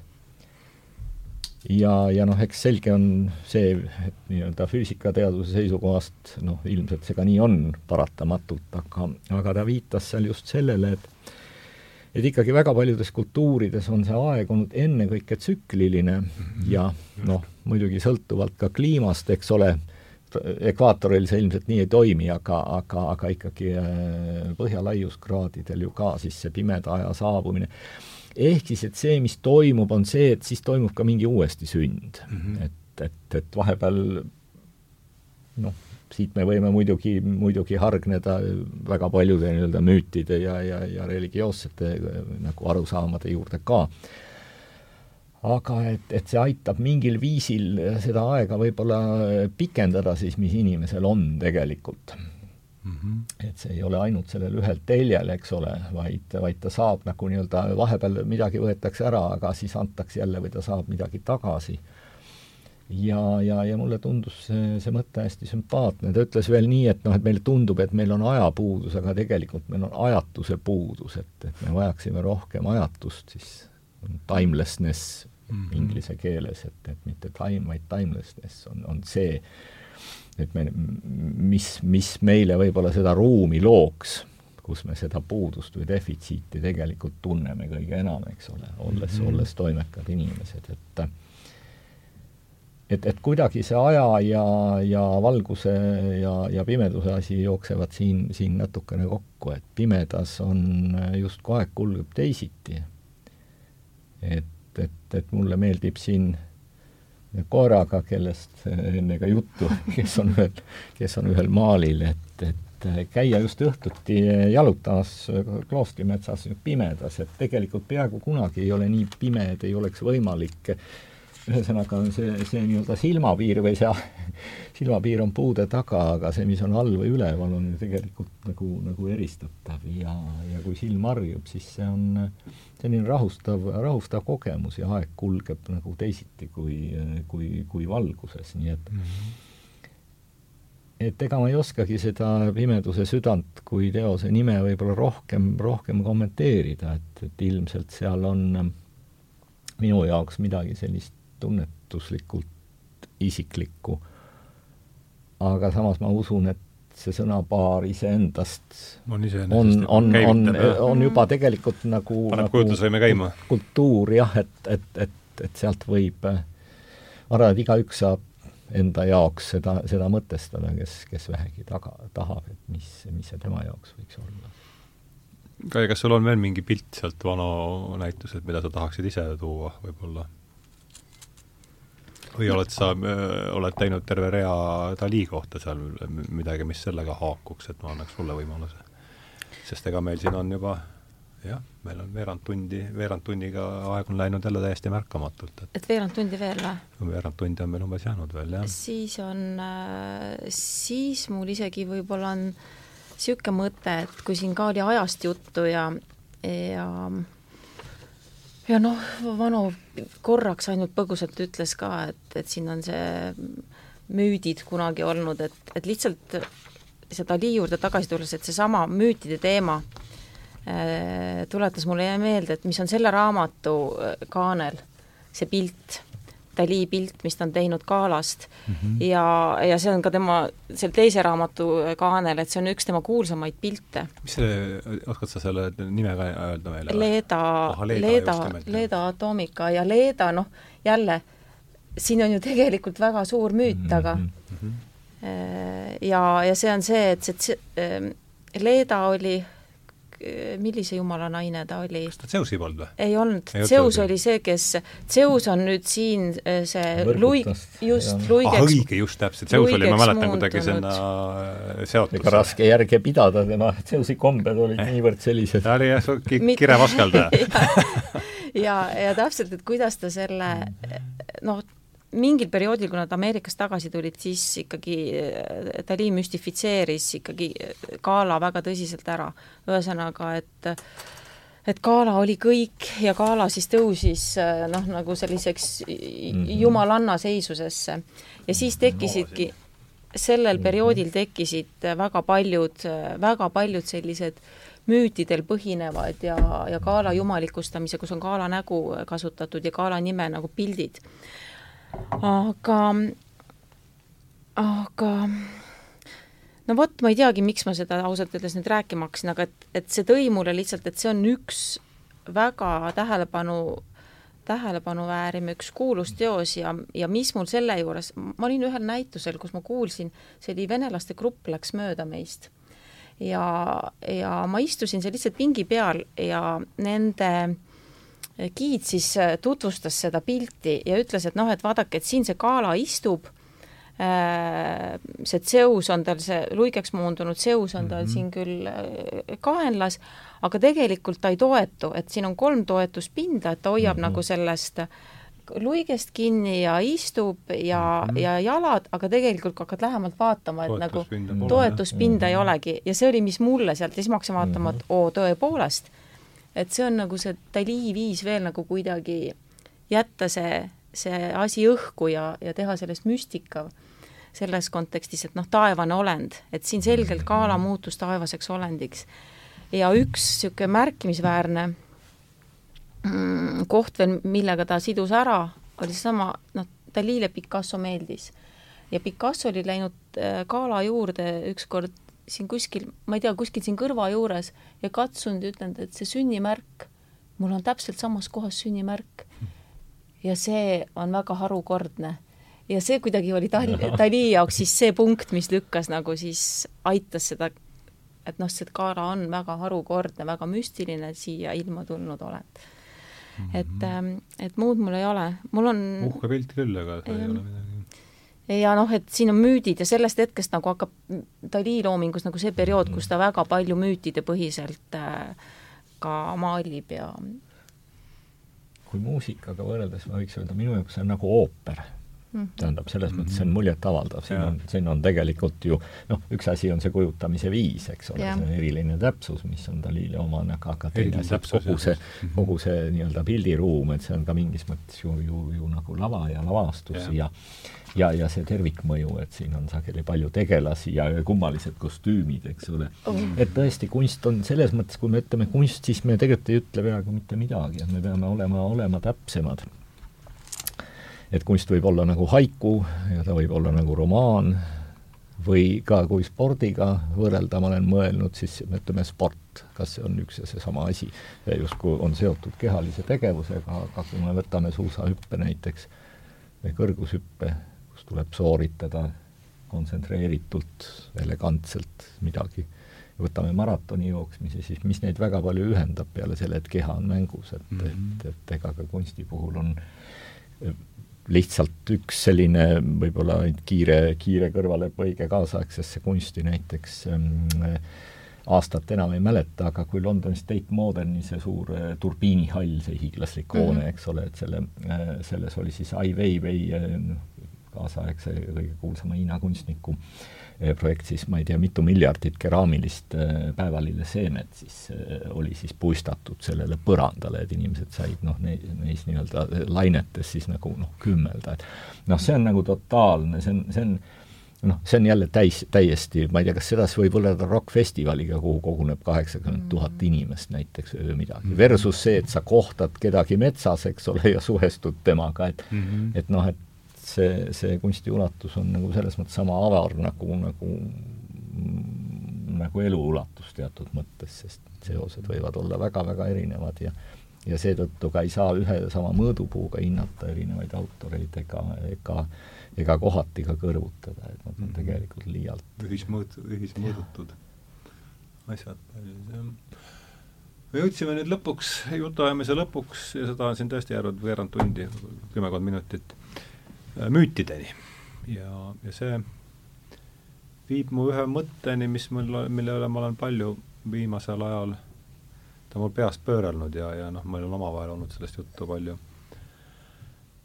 et kuulub ta siis äh, James Hillmanile, kes on üks, peetakse ta üks Jungi välja, Jungi koolkonnast välja kasvanud silmapaistvamaks USA psühholoogiks ja lause ise on järgmine, et kui me ei tunne huvi müütide vastu, siis me muutume tahes-tahtmata fundamentalistideks, sest me hakkame võtma seda, mida meile räägitakse sõna-sõnalt ja mitte müütiliselt, et äh, oleks väga huvitav äh, vestluse lõpuks äh, kuulda teie tõlgendust, mis, milliseid mõtteid, mida see, mida see, mida see lause küllaltki intrigeeriv lause, kuidas, kuidas teie oma raami selle lause paig-, paigutate, et kes tahab, kumb tahab, kumb teist tahab alustada? ole hea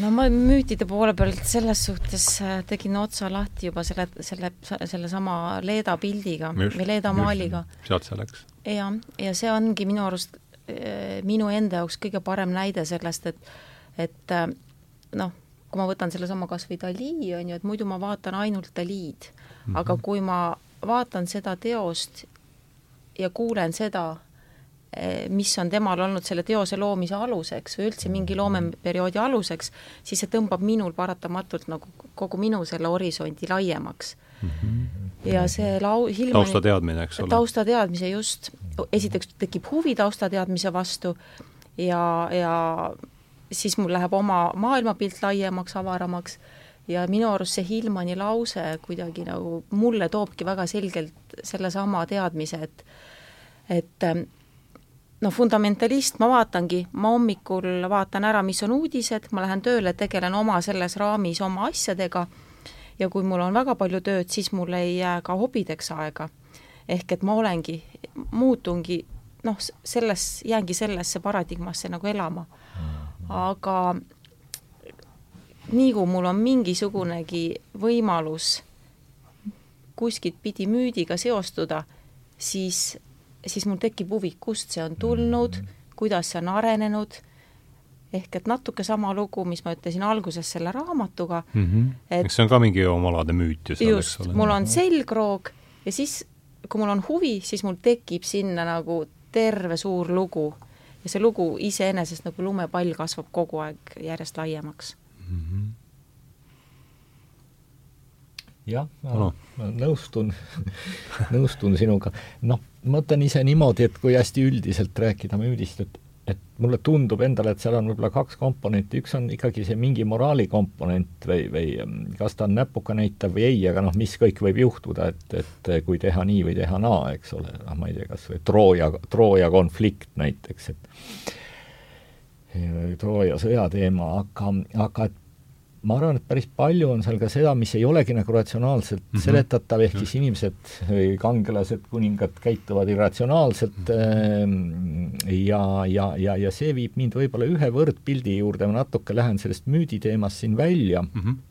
aga et, et otsides seda ka, seda essentsi või, või mis siis on kõige-kõige olulisemad asjad, ma olen enda jaoks mõtestanud niimoodi, et ilmselt saladus on üks kõige tähtsam asi kunsti juures ja mul ei ole kahjuks seda reprot kaasas, aga, aga George the Kirikul on üks kuulsamaid töid, on siis see tänava Melanhoolia ja salapära minu arust, kui ma ei eksi, jah, Melanhoolia. kelle, kelle oma see on? Eh, George the Kiriku. George the Kiriku tänava Melanhoolia ja salapära ja, ja nii eh, kirjeldan ilma detaili laskumata seda motiivi, et et nagu tema maalidel ikka, siis on sellist äh, nii enamasti terava päikesevalgusega sellised äh, kohati tinglikud sellised nagu maastikud, linnamaastikud, väljakud, tänavad, eks ole. ja, ja, ja, ja me näeme seal seda, et seal on üks äh, jah, mis seal on, arkaadid, majanurk ja midagi nii hästi ei ole silme ees, mis seal taustal paistis, aga põhimõtteliselt selle nurga tagant paistab üks vari on aimata, et see on Aha. inimese vari selline üsna, üsna lihtne tinglik, aga on aimata ja me ei näe, kes seda varju heidab. just. ja ma olen enda jaoks selle, selle niimoodi nagu sõnastanud, et, et see saladuse määr on tähtis, sest see käivitab tegelikult.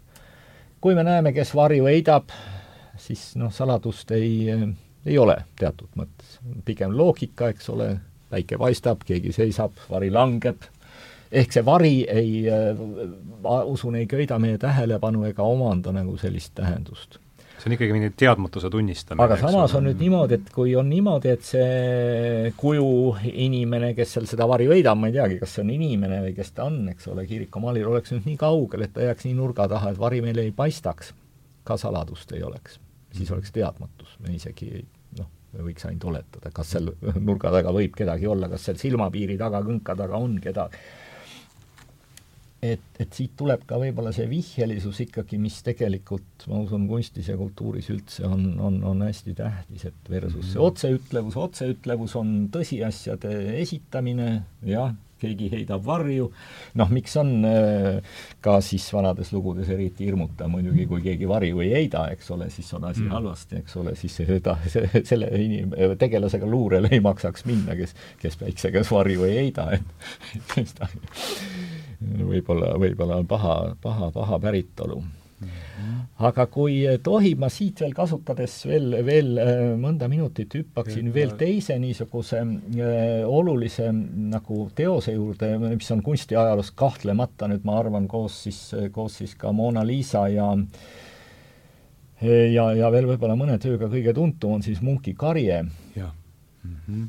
ja, ja, ja noh, tegelikult neid karjeid on tal, kuna ta äh, üldiselt ju töötas teemadega pikalt ja vahel äh, aastaid hiljem tegi veel äh, visandeid tööle, mis ta oli juba noh, loonud varem, eks ole, nii et siis noh, aga me teame valdavalt seda eks ta vist eraldi saate, sest ta on see, see äh, nüüd äh, on, on siis jah, mitmeid versioone sellest, nii ma näitan siin ta veidi, veidi paremana siis väljas, aga, aga, aga miks ma sellest juttu teen, on, et see on nüüd natuke nagu Malevitši Must ruut ja, ja, ja siis Mona Lisa, et et mõnes mõttes see, see miljonikordne vaatamine nagu ladestub kuidagi selle, selle töö aurasse siis ja, ja saab selle osaks, see mm -hmm. töö tähtsus mm, -hmm. see vältimatu, see töö on vältimatu kunstiajaloo seisukohast, ta on ikooniline ja, ja mul on tunne, et samas kipub see ka looma paratamatult sellist võib-olla pealiskaudsust. vähemasti minu jaoks oli üllatus, ma olin aastaid seda tööd ka võtnud niimoodi, noh, ma usun, kuidas, ma ei tea, teie seda tajute, aga pigem see on ikkagi, et seal karjub üks inimene, kellel on siis angst nii-öelda või, eks mm -hmm. ole, tal on ärevus, depressioon, midagi taolist, eks ole aga, aga minu jaoks oli väga kummastav ja silmi avav, kui ma lugesin, mida Munk tegelikult selle töö kohta oma päevaraamatusse kirjutas äh, aastal tuhat kaheksasada üheksakümmend kaks, siis et ma Asa. loen selle, kas mul on veel aega? jaa, ei, meil ei ole siin see stopperiga selge. Äh, loen kiirelt ette, see on nüüd saksa keeles, ma ei olegi kindel, kas äh, ju, ju vast originaal oli, oli, oli norra keeles või, või oligi see niimoodi ich ging mit zwei äh, Freunden den Weg entlang. Dann ging die Sonne unter. Der Himmel wurde plötzlich blutrot. Ich hielt an, lehnte mich todmüde an einen Zaun. Über dem blauschwarzen Fjord und der Stadt lagen Blut- und Feuerzungen. Meine Freunde gingen weiter und ich stand immer noch zitternd vor Angst und ich fühlte, dass ein großer, unendlicher Schrei durch die Natur ging. ehk siis ma püüan selle nii vabalt tõlkida. Äh, ma kõndisin koos kahe sõbraga teed ja siis loojus päike, taevas värvus äkitselt veripunaseks. ma peatusin, nõjatusin surmväsinult ühele aiale äh, sinimusta fjordi ja linna kohal äh, nagu lasus veri ja tulekeeled. minu sõbrad läksid edasi ja ma seisin ikka üha värisedes, kasutaksin sõna angst, see on sellest ärevusest või tundest. Ja ma tundsin, kuidas suur lõputu karje läbi looduse käis minu jaoks oli see täielik äh, revelatsioon ja täielik see mm -hmm. kogemus. ehk siis minu jaoks omandas see töö hoopis, hoopis suurema sügavuse ja, ja, ja jõuame siit ka selle nii-öelda pimeduse südame mõtteni, et tegelikult see on see tundmatu, mis on looduses ja meis endis ka mm, -hmm. ehk et sellelt tasandilt, et see on selline sotsiaalpoliitiline jah, äh, raske aeg, äh, kütteks raha ei ole, toitu vähe, inimestel on mured, eks ole ka seda võib siit välja lugeda, ega see halb ei ole mõistagi. või lihtsalt, et, et kunstniku sisemine ärevus, eks ole, aga, aga see, kuidas ta viis selle looduse ja, ja, ja ma ei olegi püüdnud seda enda jaoks rohkem lahti mõtestada, mis see looduse lõpp, mis on see, või et ta ei ütle isegi looduse karje, eks ole, ta ütleb, kui päris täpne oleks, see käis läbi looduse, eks ole, kas loodus karjub või ei, aga, aga et, et, et minu jaoks see töö on tänu sellele nagu muutus sellest ikoonist, kohustuslikust kunstiajaloo pühapildist nii-öelda. Mm, -hmm. see on igal seinal, muutus ta, avanes ja muutus nagu elavaks ja, ja on seda siiamaani, et mäletan, me vaatasime ka Munki teoseid siin mingi päev ja nad olid tõesti väga muljetavaldavad, see väär, vääriks eraldi saadet juba noh, lähiajal, ma arvan, nendest Munk, et ei ole temaga väga kursis ja pole teda näitusel ka näinud, aga otse, aga, aga vist. aga on jah, et see jõudis, jutuajamine jõudis äh, meeldejääva finaalini, see loo-, lõputu karja läbi looduse, see tõenäoliselt saab ka selle jutuajamise pealkirjaks, sest see kuidagi sinna, sellesse, selle poole me siin niimoodi kobades liikusime, mulle, mulle, mulle tundub. ja et aitäh äh, teile mõlemale selle, selle meeldejääva lõpuga vestluse eest ja, ja, ja aitäh tulemast, äh, aitäh Kaie Metsla, aitäh Vana Alsalu, aitäh Mari Puldis, äh, aitäh kõigile, kes on teinud selle saate võimalikuks ja ja tõmbame siis joone alla. jah, aga kiirelt, kiirelt tänan ja ütlen, et, et minu jaoks see, see viis, kuidas tähenduse teejuhte toimetataks ja, ja läbi viiaks ja, ja kuidas see, see kulgemine toimub, on kuidagi noh, teatud viisil sarnane minu enda sellise loomingulise lähenemisega, ehk kulgeminegi just nimelt mm -hmm. seoselt seosele on, on, on, on selline asi, ma arvan, mida me võime tegelikult endale rohkem lubada, kui, kui meile nii-öelda argielu askeldustes tihti tundub, et et ja võib-olla see viib meid ka selle ajatuse juurde, millest meil ilmselt kõige rohkem puudus on, et suur aitäh, oli väga väga huvitav no, ja võtsime ja ikkagi mõlemad, või mitte mõlemad, me võtsime kõik siin, siin kõik eh, kaks tundi selleks ja selleks ega noh, ilma viie minutiga ei juhtu jah, aga juhtuvad ainult need asjad, mis saavad viie minutiga juhtuda. nii, nii kunsti kui pimedusse jäi veel asju oo oh, jaa. nii et veel kord suur aitäh teile mõlemale ja ja tõmbame siis täna sektsioone alla, et soovime ilusat äh, sügise, hilissügise jätku. aitäh!